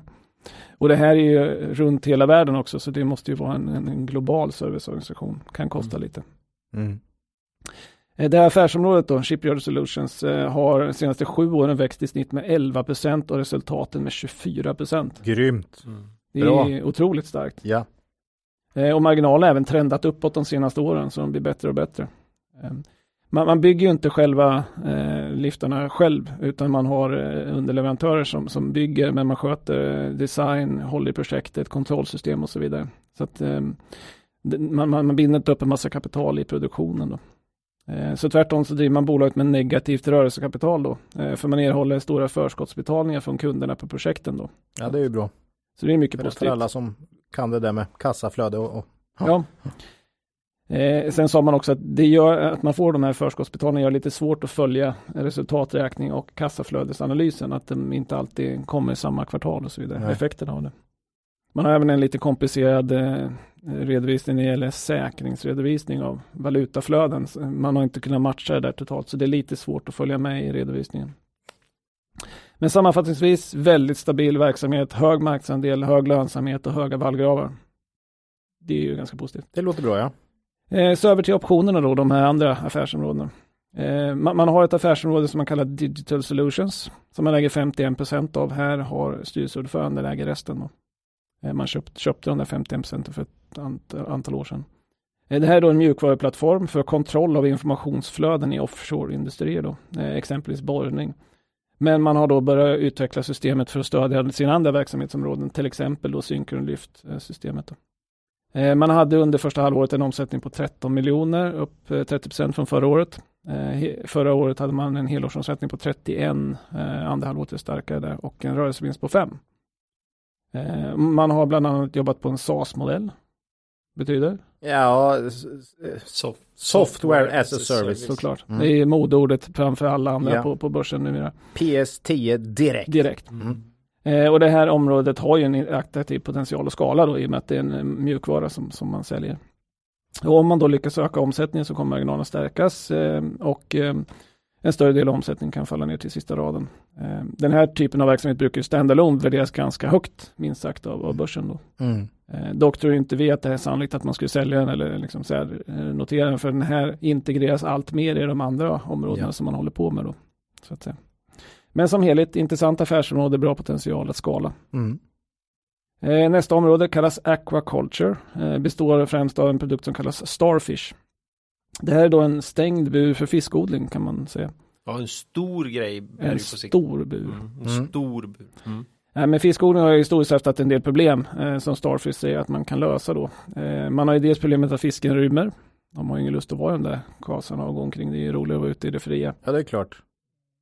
Men, men det, det är problemet att man förstör vilda fiskbestånd. Eh, sen, sen skräpar ju de här odlingarna ner ganska mycket mm. i och med att man får avföringar från fisken då som, som faller ner på botten. Eh, och det är en av anledningarna till att staten har begränsat hur många sådana här odlingar man får ha då eh, och ha en tillståndsprocess kring det där. Mm. Eh, Starfish har då en dubbel bur så att den här buren ska ju då dels hindra fisken från att fly om de går igenom första nätet då. Eh, men även ska man då kunna samla upp eh, som de säger 90% av gödningen som kommer från avföringen då och sen mm. ta tillvara på den så att man inte får den nedsmutsningsproblematiken då. Snyggt. ESG. ESG. Mm. Eh, och sen ska man även ta upp vatten till odlingen från ett större djup och då hävdar de att det här ska kunna eh, lösa det problemet med laxlöss som man ju läser om då och då att de här odlingarna drabbas av att man får löss då. Men de hävdar att om man tar upp vattnet djupare ifrån så ska man komma bort från det. Det har vi ganska svårt att bedöma. Så att det Väldigt. får man gå från bolaget. Vi vet ju en hel del om sån här. Och som du sa, vi, det här är optioner för oss. Det är optioner. Det är inget vi sätter något värde på heller. Eh, och, och sen säger man också att man, man kommer att ha en mycket mer automatiserad process genom sitt, det här mjukvarulösningen då. Så att det är en ganska manuell process de här i dagsläget. Men man ska kunna automatisera det här mycket mer då. eh, Och nå lite effektiviseringsvinster då. Hade de inte något affärsområde också som var helt fantastiskt namn på eller? Ja, men vi kommer till det. Vi kommer, Mm. okej. Mm. Du ligger lite före. Ja, Nej men sen eh, regeringen i Norge har då eh, antagit ett nytt sånt här inriktningsdokument eh, för, för laxodling nyligen. Det är fantastiskt vad de har i Norge. mm. Eh, det kom den 21 augusti. Det här är- kommer mycket hårdare miljökrav då. Eh, rörande både utsläpp och flykt eh, av, av fisk då. Eh, och Neckar har sagt att man, man har väntat på det här länge och kallar det ett major breakthrough for closed cage fisk farms. Så att man, man säger att det här är ett stort genombrott då för dem. Eh, Norge är ju huvudmarknaden eh, och man är ju den störst i världen på fiskodling. Man har tydligen 4000 öppna laxburar. Så Oj. att det är en ganska stor potentialmarknad om det här slår Olja igenom. och fisk, snart bara fisk då. Eller eh, fiskolja. Fiskolja, Fisk. kombinerade. Mm. Ja. Omega 3. Ja, Eh, sen säger man också att det finns andra marknader som också har hårda krav som Kanada till exempel och de är också intressanta. De har också nyligen antagit hårdare regler då kring Mm. de här frågorna. Eh, man har mm, just nu pågår test i havsmiljö, det vill säga man har satt ut bur eh, för att se hur den står emot. Det kan ju blåsa en del i Norge. mm. Så att det är viktigt att det här är robusta anläggningar. Liksom. Och man säger att man är inte långt från att göra kundtest då, med lax. Då. lite som Minesto är ungefär då. Mm. Test, tester i havsmiljö fast, fast inget, inget kommersiellt genombrott. Än så länge. Nej, Nej, det är samma. fast där har du två miljarder redan. Mm. börsvärde. ja. Ja. Nej, men man har sagt att man ska göra fullskaligt test tidigt två- 2022. Så Mm. att det är ganska lång, nära i tiden. Inte börjar kalla det steg 1, steg 2, steg 3? För då, Fas då menar du? Fas. Ja, Fas. fas 1 jag menar ja. Fas tre. Nej. Nej, de har inte gjort det än i alla fall. Mm. Eh, nej, men av naturliga skäl så har man ju inga intäkter än. Men man har fått eh, faktiskt 10 miljoner av norska staten också i stöd för att utveckla produkten. Mm. Härligt. Nu kommer vi till området med bästa namnet. Ja, vad är namnet här då? Skywalker. Mhm.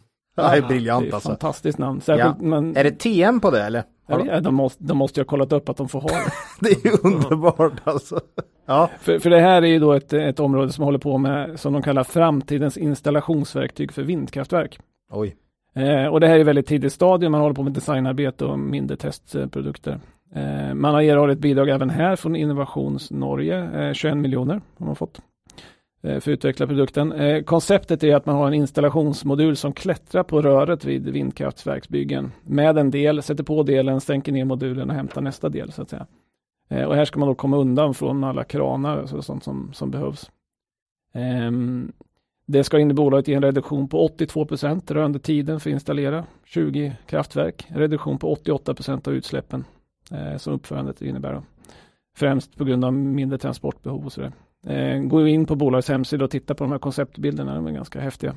Det här, det här standalone är ju något form av förhoppningsbolag ju. Absolut. Om, om eh, en framtida eh, stor marknad såklart. Mm. Eh, Men det, det kan slå in liksom. Och vi har ju svårt att bedöma bärigheten i det här affärsområdet, men vi har ju sett sämre ESG-idéer, eh, standalone, Ja, jo faktiskt, det stämmer. Ja. som- har fått väldigt höga värderingar. Ja, ja. Ehm, En, en sak som är bra är att det handlar ju om att effektivisera uppbyggnaden av en redan beprövad teknik, det vill säga vindkraftverk. Det är ju inte en oprövad metod att utvinna el, till exempel Minestos undervattensdrakar igen. då. Jag kan säga att de här tre optionerna som du då nämner, att jag tycker det faktiskt är ganska bra optioner. Eh, om jag tänker på Mm. dem. Så det, ja, För, för då kommer man ju till det som är intressant då. Hur ser värderingen ut av, av helheten då? ja, av den här, det här konglomeratet. Precis. Eh, nuvarande vinst, eh, eller nuvarande verksamhet gjorde 2020 en vinst på 67 norska, eh, 67 öre eh, eh, per aktie. Eh, och då har vi räknat bort den här förlusten på uppgörelsen med Cargotec för den tycker vi är ändå en tydlig engångspost. Liksom. Mm. Men man, One-off. One-off. man, man får tänka på det om man tittar på Nordet eller något som inte har justerat. Mm. Men dagskurs på 9,35 då, P tal på 14 för förra året. år. Mm. Men sen var ju då H1 i år extremt starkt. Mycket Eh, bättre än H1 förra året. Mycket bättre än H1 Mm. förra året. Eh, vilket innebär att eh, vinsten rullande 12, 1,13. Eh, vilket ger P-tal 8. Mm. Shit. Ja. Vilket är ju otroligt lågt. ja. Ehm, och man får väl utifrån det sluta sig till att marknaden inte räknar med att man kan upprepa de här vinsterna framöver. Eh, sen, sen, har man då gamla förlustavdrag från tidigare verksamhet som gör att man inte betalar skatt på samma sätt just nu. Så det måste man justera för i framtiden om man gör längre prognoser. Mm. Eh, sen är det ju svårt att prognostisera den här typen av projektverksamhet framåt. Eh, så, så, att vi, vi har kan haft vara lite lite ryckigt. Kan vara väldigt projekt. ryckigt. Mm. Så att, eh, men man behöver beakta att bolaget har en nettokassa, 200 miljoner norska kronor. Så ev-ebit är ännu lägre. Eh, sen kan man, 113 miljoner av dem är då förskott från kunder. Då, så att, eh, det är pengar som man har fått i förskott. Ja. Företagets styrelseordförande som heter Trym Skeie äger 30% av bolagets aktier direkt eller indirekt mm. via bolag. Eh, och en styrelseledamot Gisle Rikes. Ja, det var svårt med norska. Det är jobbigt med norska alltså. Men det hörs ju att han har råd med, med Han har råd. Mm. Den, men ja. han kontrollerar ungefär 11 procent. Så det är kött och blod, styr bolaget. Men det som slår en när man tittar på ägarlistan. Det finns inte en enda ESG-fond. Eh, Oj. Det, det, det, jag, jag, vet inte riktigt. Det borde vara ett case kan man tycka för, för liksom svenska fonder som letar ESG-bolag som dessutom är lågt värderade. Jag vet inte, får man inte investera i Norge eller? Jag vet inte. Ingen aning. Det är faktiskt väldigt märkligt kan vi tycka, för flera av de här verksamhetsområdena är ju ganska tydlig ESG-profil. Men, mm. Eh, men man har inte hittat hit än i alla fall. Nej. Mm.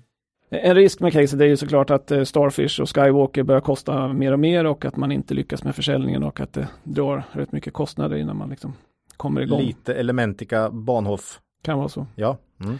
Eh, till viss del avhjälps det av att man har fått de här stödpengarna men, men eh, de kommer ju ta slut också då så att säga.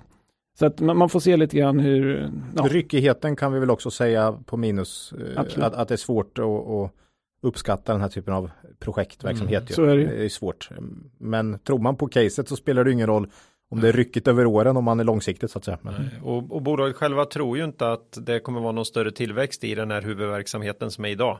Alltså det är det här som är vårt största orosmoment ja. äh, egentligen. Och det är ju att den här historiska omsättningsökningen för Shipyard Solutions är ju fantastiskt fin. Ja. Liksom, på sju år. Och vinst. Och ännu vinst, bättre. Ännu bättre. Mm. Men, men vd sa på Confcall vid Q1-rapporten att uh, the shipyard, shipyard market has been stable during the last 20 years. It has not been growing but not declining. Nej. Vi, har ju, vi har ju lite svårt att få ihop det här med att om marknaden är stabil, eh, hur kan då de växa så här kraftigt som de har gjort? Mm. Ja. De har ju redan en väldigt hög marknadsandel och visst de har tagit lite mer men det kan ju inte fortsätta. Man kan ju inte gärna gå upp till 100 procent. Nej, det, är ju, det blir ju monopol då. Så, så, här har vi, det är det här som är vårt största orosmoment att, att utvecklingen har varit egentligen bättre än vad marknaden har varit mm. och kan man fortsätta med det över tid. Um, vi, vi, har ju även inte, bolaget ger inte ut um, kvartalsrapporter så vi har inga siffror för, för för eh, Q3 förra året. Så det är lite svårt att prognostisera framåt här vad, vad man kommer få för. Men man släpper någon uppdatering även? Ja, man har en, man har en, en eh, quarter update okay. eh, som lämnar information, men den lämnar inte lika mm. detaljerad information som i en ja, Det var för litet för ESG-fonderna. Kan vara så också. Kan vara det som. Mm. Men, men sen har vi ju sådana här, precis som du var inne på, eh, trender just nu då. Med, mm. med att de här höga fraktraterna, det borde ge bra incitament att långsiktigt underhålla eh, fartygsflottan. I och med att det varit så lönsamt och man har så mycket pengar. Men man kanske inte vill ta ur skeppen just nu. Nej. Eftersom de tjänar så fantastiskt mycket Möjligen pengar. kan det finnas en och annan båt då som man kanske inte har gett den kärlek som den skulle ha behövt här och som har legat på vänt på något sätt och nu tar man och mm. piffar till dem för att kunna få vara med Absolut, så reparerar de istället. Mm, mm. Så att nätt, nätt så borde det ändå vara positivt att, mm. att eh, slutkunderna, kunderna är egentligen de som sätter upp varven såklart och sätter upp de här lösningarna men slutkunderna har fått en väldigt mycket bättre ekonomi. Det måste positivt, ja. vara positivt på lång sikt. Ja. Mm. Så att eh, slutsatsen är väl att det här är ju verkligen inte ett högt värderat bolag och det är därför vi har fått in alla frågor kring det. ja. eh, det har intressanta optionsliknande delar som man i stort sett får gratis. Eh, det är svårt att säga att de tillsätts något direkt värde idag Nej. i värderingen. Eh, särskilt ty tycker vi Starfish ser lite intressant ut för att det har med myndighetskrav som driver på utvecklingen framöver. Mm. Eh, vår bild är väl att liksom bara miljöförbättring, det, det, är många som skriver om i liksom rapporter och sånt, men det driver inte riktigt efterfrågan på samma sätt som om myndigheterna går in och kräver att man använder den typen av lösningar. Mm. Och här har det då hänt saker ganska nyligen på just myndighetskravsfronten, att, att man kräver att man ska liksom förbättra eh, de här produkterna. Då. Ja. Så att det, Sen det blir kan väldigt det vara så att det här är ju en verksamhet som har funnits väldigt länge och det kan ju vara så att man har testat liknande saker förr och sen har man andra negativa effekter på verksamheten, storlek på fiskar eller mm. alltså det kan vara vad som helst som inte vi ser här så att en sida är rymning och, och, och, och, och samla upp uh, spillet här så att säga. Men, men det finns säkert andra delar i det också, så över tid så det ska bli intressant att se vart det tar vägen. Mm, nej, här får man ju följa noga. Mm. och det kommer väl klarna nästa år hur, vilken, vilken efterfrågan det finns för marknaden på de här produkterna. Eh, ja, helhetsintryck som sagt, lågt värderat bolag. Eh, KAP har inte aktier just nu och det är lite oron för att eh, det är svårt att prognostisera den här typen av eh, projektverksamhet och vi skulle vilja se en Q3-rapport och vi kommer läsa den väldigt noga och se mm. vilken utveckling man har, har liksom framöver. Eller uppdatering kommer det Uppdatering, uppdatering. ja. Mm. Nej, men du får en uppdatering på det. Mm. Men det är ett väldigt intressant bolag, lågt ja. värderat intressanta optioner. Absolut. Eh, jag har ett innehav i pensionsspar eh, som är väldigt långsiktigt. Då, så att säga. Jag tar gärna, får våra lyssnare kolla lite på. Ja, ja. ett litet Intressant tips. bolag att följa. Ja, vi kommer återkomma garanterat ja. till Neckar. Eh, tack Macke. Mm. Eh, sista bolaget för dagen här, eh, Securitas. Eh, det här är ju säkerhetsbolaget framför andra. Har inte, ja ett år snart då, avsnitt 75 mm. senast. Eller som man säger i Norrköping, Securitas. Ja, Securitas ja. Det har hänt massor eller? eh, nej, nej, det hände. Det. det hände ju nämligen aldrig någonting i Securitas. Eh, nej, vi hade uppe den i podden för ett år sedan. Eh, aktieutvecklingen här är ju lika tråkig som verksamheten ungefär. Mm. Kan man ju säga. Det har ju inte hänt särskilt mycket och vi brukar ju faktiskt gilla den här typen av, mm. av verksamheter som oavsett eh, jordbävningar och pandemier och vad det nu är eh, trumma på hyggligt va. Mm. Och, och, Securitas är ju verkligen ett sånt bolag. Eh, på tre år så är ju kursen oförändrad och ungefär verksamheten också. och på 12 månader är aktien upp 6% här. Eh, mm. Och det är mycket för att vara Nej, nu är jag taskig. Nej, men det är ett väldigt stabilt eh, bolag, helt klart. Eh, man skriver själva här då eh, att man är en global aktör verksam inom säkerhetstjänster och man erbjuder då ett brett utbud av tjänster i, eh, som går under stationär och mobil övervakning. Elektronisk säkerhet har man börjat lyfta in här nu mm. mer och mer.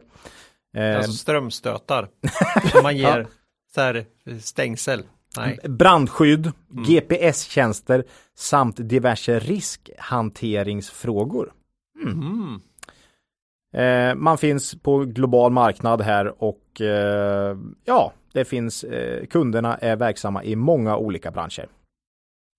Eh, och är man intresserad av Securitas mer på djupet här så kan man gå tillbaks till avsnitt 75 då. Mm då vi hade uppe Securitas eh, senast. Och det var ju fantastiska poddnamnet Large Cap va? Mm, lite större bolag. Då vi tog upp tre Large Cap bolag då. Mm. Mm. Lite deppigt med det, det har inte med Large Cap att göra men Securitas har väl åkt ut från den nya, OMX, den nya tiden nu. Ja, OMX30. Sinch tog den platsen va? Ja, det är ju, vi, vi stannar där. Vi stannar där. Mm. Det, det, gör så ont i själen. Det gör så ont. Ja. Mm. Eh, Ja, eh, vad har hänt sedan vi tog upp bolaget senast här då? Jo, 2020 blev ett svagt år för Securitas och då menar jag liksom inte Fagerhult svagt utan minus 3 procent på omsättningen. minus 3 procent på omsättningen då va? Och det var ju då den här eh, flygplans safety-delen som hade det lite knackigt under pandemin då. Det kan man ju förstå. Eh, Faktum är att minus 3 ett enskilt kalenderår är det sämsta året utvecklingsmässigt så länge jag har historik. Så ja, men det bygger på det här att det är oerhört stabil verksamhet. Ja. Resultatet dock ner 15 här så att det blev lite sämre. Eh, nu då, första halvan 2021 så har man börjat utvecklas åt rätt håll igen. I Q2 steg försäljningen organiskt med 8 Dock bara noll i SEK. Det är ju ganska mm. många eh, internationella bolag som har drabbats lite av valuta mot mm. vind här. Eh, ebit steg med 37 procent. Eh, men då ska man ju som sagt komma ihåg eh, att Q2 förra året var svagt då. Alla tre geografiska affärsområden utvecklas positivt. Återhämtningen i Europa bidrog dock med den starkaste tillväxten jämfört med förra året. För det var ju också det som gick, gick sämst då. Mm. Föregående år. Eh, geografiskt är Nordamerika och Europa jämnstora för Securitas. Så det är ju där man har 90% av sin verksamhet. Eh, det tredje geografiska affärsområdet är, har man döpt till Security Services Iberio America. Som är 11% av omsättningen och det innehåller sju länder i Latinamerika samt Portugal och Spanien i Europa. Man har på något sätt klumpat ihop alla spansktalande länder i en Lite ovanligt. Jäkligt Ja, men ovanligt. det är inte konstigt. Ja, men lite så liksom. Vi kör Nordamerika och Europa och sen tar vi alla spansktalande länder och klumpar ihop. Det, det är svårt med kommunikationen där, vet du. Man, det får bli ett, det Ja. får bli Ja. ett affärsområde. Ja, Ja, jag gillar det. ja, ja. Eh, Språket är i alla fall den enda gemensamma nämnare jag kan, jag kan komma på där. Mm. Eh, Securitas då med vd här, Magnus Ahlqvist som tog över efter Alf Göransson tror jag han hette va? Eh, för några år sedan.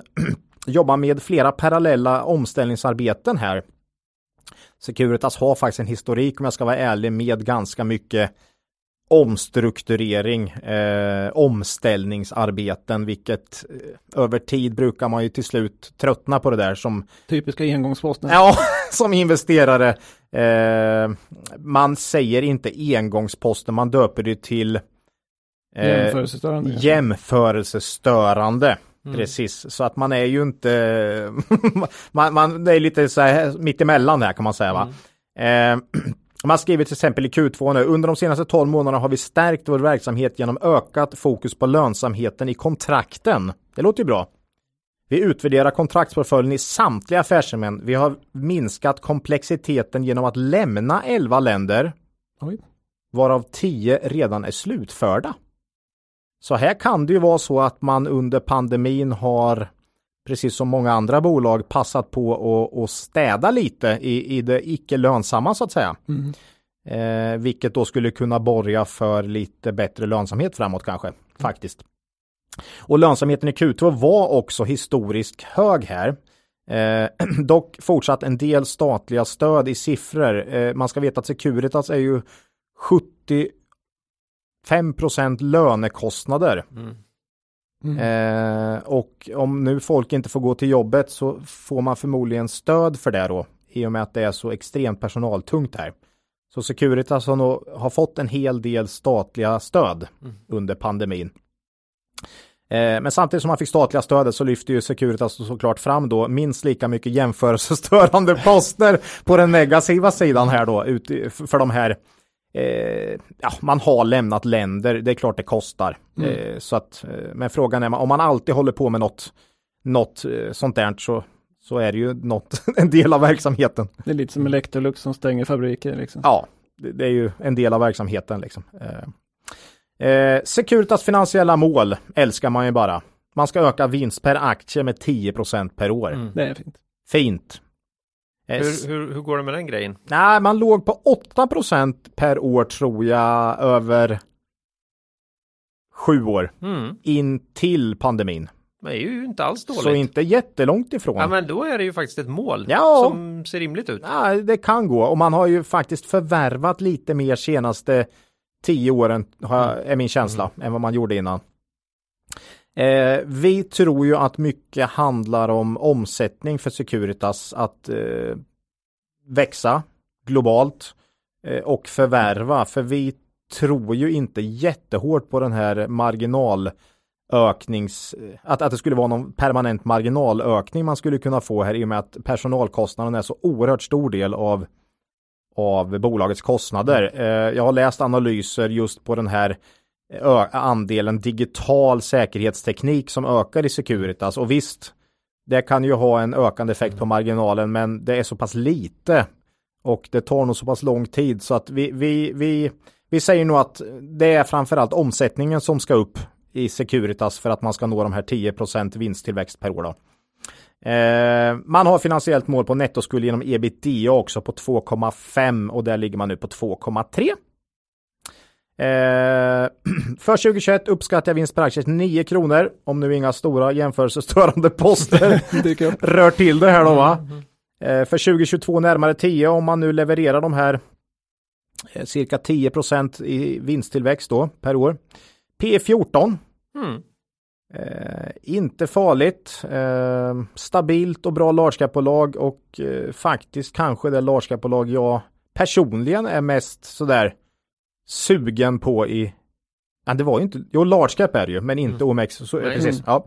Nej men kanske, ja, ja, ja, jag gillar det här. Utdelning kanske fem spänn i vår, inte orimligt. Då är det 3,5 procent direktavkastning. Mm. Eh, nej, jag, jag tycker Securitas känns lite, lite intressant faktiskt.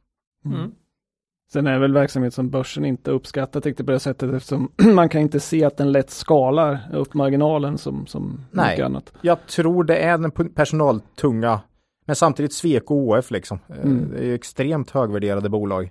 Mm. Eh, men nej, det blir, det blir inga, inga skaleffekter här. Nej. Så kan man säga. Men, nej, men ett bra stabilt bolag som tuggar på Mm. får man ju säga. Och eh, säkerhetslösningar lär väl, jag vet inte om marknaden också är rädd för konkurrens inom digitalt. Att det skulle kunna vara något att det är mossigt att gå med folk. Eh, jag vet inte. Ja. Men, men samtidigt, Kan Man vara en möjlighet också. det kan vara en möjlighet med för man jobbar ju hårt på digitala säkerhetslösningar själv. Så att det kanske, man, det kanske är Securitas som får en stor del av den kakan såklart. Man har ju kunderna. Mm. Eh, nej, jag, jag måste säga att jag, jag, jag gillar Securitas, men, men om man har svårt för tråkbolag, gå inte in då på, på, i årsredovisningen och, och titta på utveckling och sådär, för det, det, är inget, det, är ing, det, är inga, det är inga häftiga siffror här, det, det är det inte. Eh, men, men stabilt och bra, får man säga. Ja, här fanns det inget ägande då. Nej, nej, finns Nej. det inte. Men, men kul bolag. Och det är säkert. Och det, och det är säkert, ja det är säkert. Bra! Nej, det, var, det var rejäla analyser idag Det alltså. var, det var mastigt. Vi kan säga så här, nästa podd blir det ju rapportkommentarer. Där. Så då kan man nog mer, eh, mer få höra på eh, lite siffror om hur det har gått sista kvartalet Ja. och inte så mycket eh, nya bolag och Nej. sådär. Nej, Men det blir spännande det också. det blir mycket spännande. Mm. Det ser vi Nej. fram emot. Kanske mer än någonsin har vi sagt här. Ja, Spännande med rapportperiod. Mm. mycket kul. Eh, för då närmar vi oss slutet för det här poddavsnittet. Mm. Eh, nästa avsnitt blir eh, nummer 103 som kommer ut torsdagen den 28 oktober. Mm. Rapportkommentarer, det har du redan avslöjat. Det tror jag alla våra lyssnare kunde lista ut att det kommer att bli. Ja, Och i stort sett inget annat misstänker jag. nej, Nej, man kan mejla oss Ola och Macka är på kontaktet kvalitetsaktiepodden.se eller kommentera på Twitter eller på vår hemsida kvalitetsaktiepodden.se. Och eh, tack vare förstärkningen här så har vi blivit mycket duktigare på att svara också. ja. Vi är i stort sett i fas i alla, på alla kanaler. Ja, och har, har ni inte fått svar på något så skicka in igen för nu Mm. har vi faktiskt möjligheten att svara. Och eh, vi, vi ser mycket bättre när det händer saker. Mm. Vi missar inte. Något riktigt makro eller TA värt att ta upp idag, Marcus, Ola? Du kanske har någonting? Ja, Nej, mitt senaste TA-försök gick ju åt skogen här så att eh, nu, nu väntar jag fyra år. I, Igen. inte, inte på kort sikt var det helt rätt. Ja. du menar Evo, Mm, Evo-inspelet där? ja. Ja, det blev ju, det bröt ju och sen bara totalkraschade där va, men Mm. ja. Sen gick sen- det upp igen. Ja, det är så en gick det upp igen. Det, Jag hade ju tänkt att skriva något helt annat inför det här poddavsnittet om min briljans och att det var inte så jävla svårt det där med med teknisk analys. och sen Nej, sen blir det så här. ja. Och så Ja. får vi vänta fyra år Så till. får man vänta fyra år igen. Då blir det så. Men vad, vad har du idag att ta upp då? Ingenting. Nej, Absolut ingenting. ingenting. Härligt. utan jag slickar mina sår. Ja. Mm. Eh, eget ägande. Ja Det var ju det här med lite långsiktiga Betsson och I företaget har vi ju ingenting inget. av det här, men eh, vi hade lite privatägande i Ja. vissa av de här va? Det var allt från Betsson till eh, Byggmax till lite Kindred och Mm. lite Neckar. Ja, Mm. så lite ägande. smått och gott. Ja. Jaha, eh, innan vi skiljs åt vill vi påminna våra lyssnare om att gå in på Cavaliers hemsida, cavalier.se och läsa på om deras eh, erbjudanden. Mm. Och då ska de komma ihåg att historisk avkastning i fonder inte behöver vara en indikator på framtida avkastning och att man kan förlora delar av sitt satsade kapital då fonder kan både gå upp och ner i värde. Med det så säger vi hej då för den här gången och ber er komma ihåg att Det är först när tidvattnet drar sig tillbaka som vi får se vem som badat naken. Lose money for the firm and I will be understanding. Lose a shred of reputation for the firm and I will be ruthless. I welcome your questions.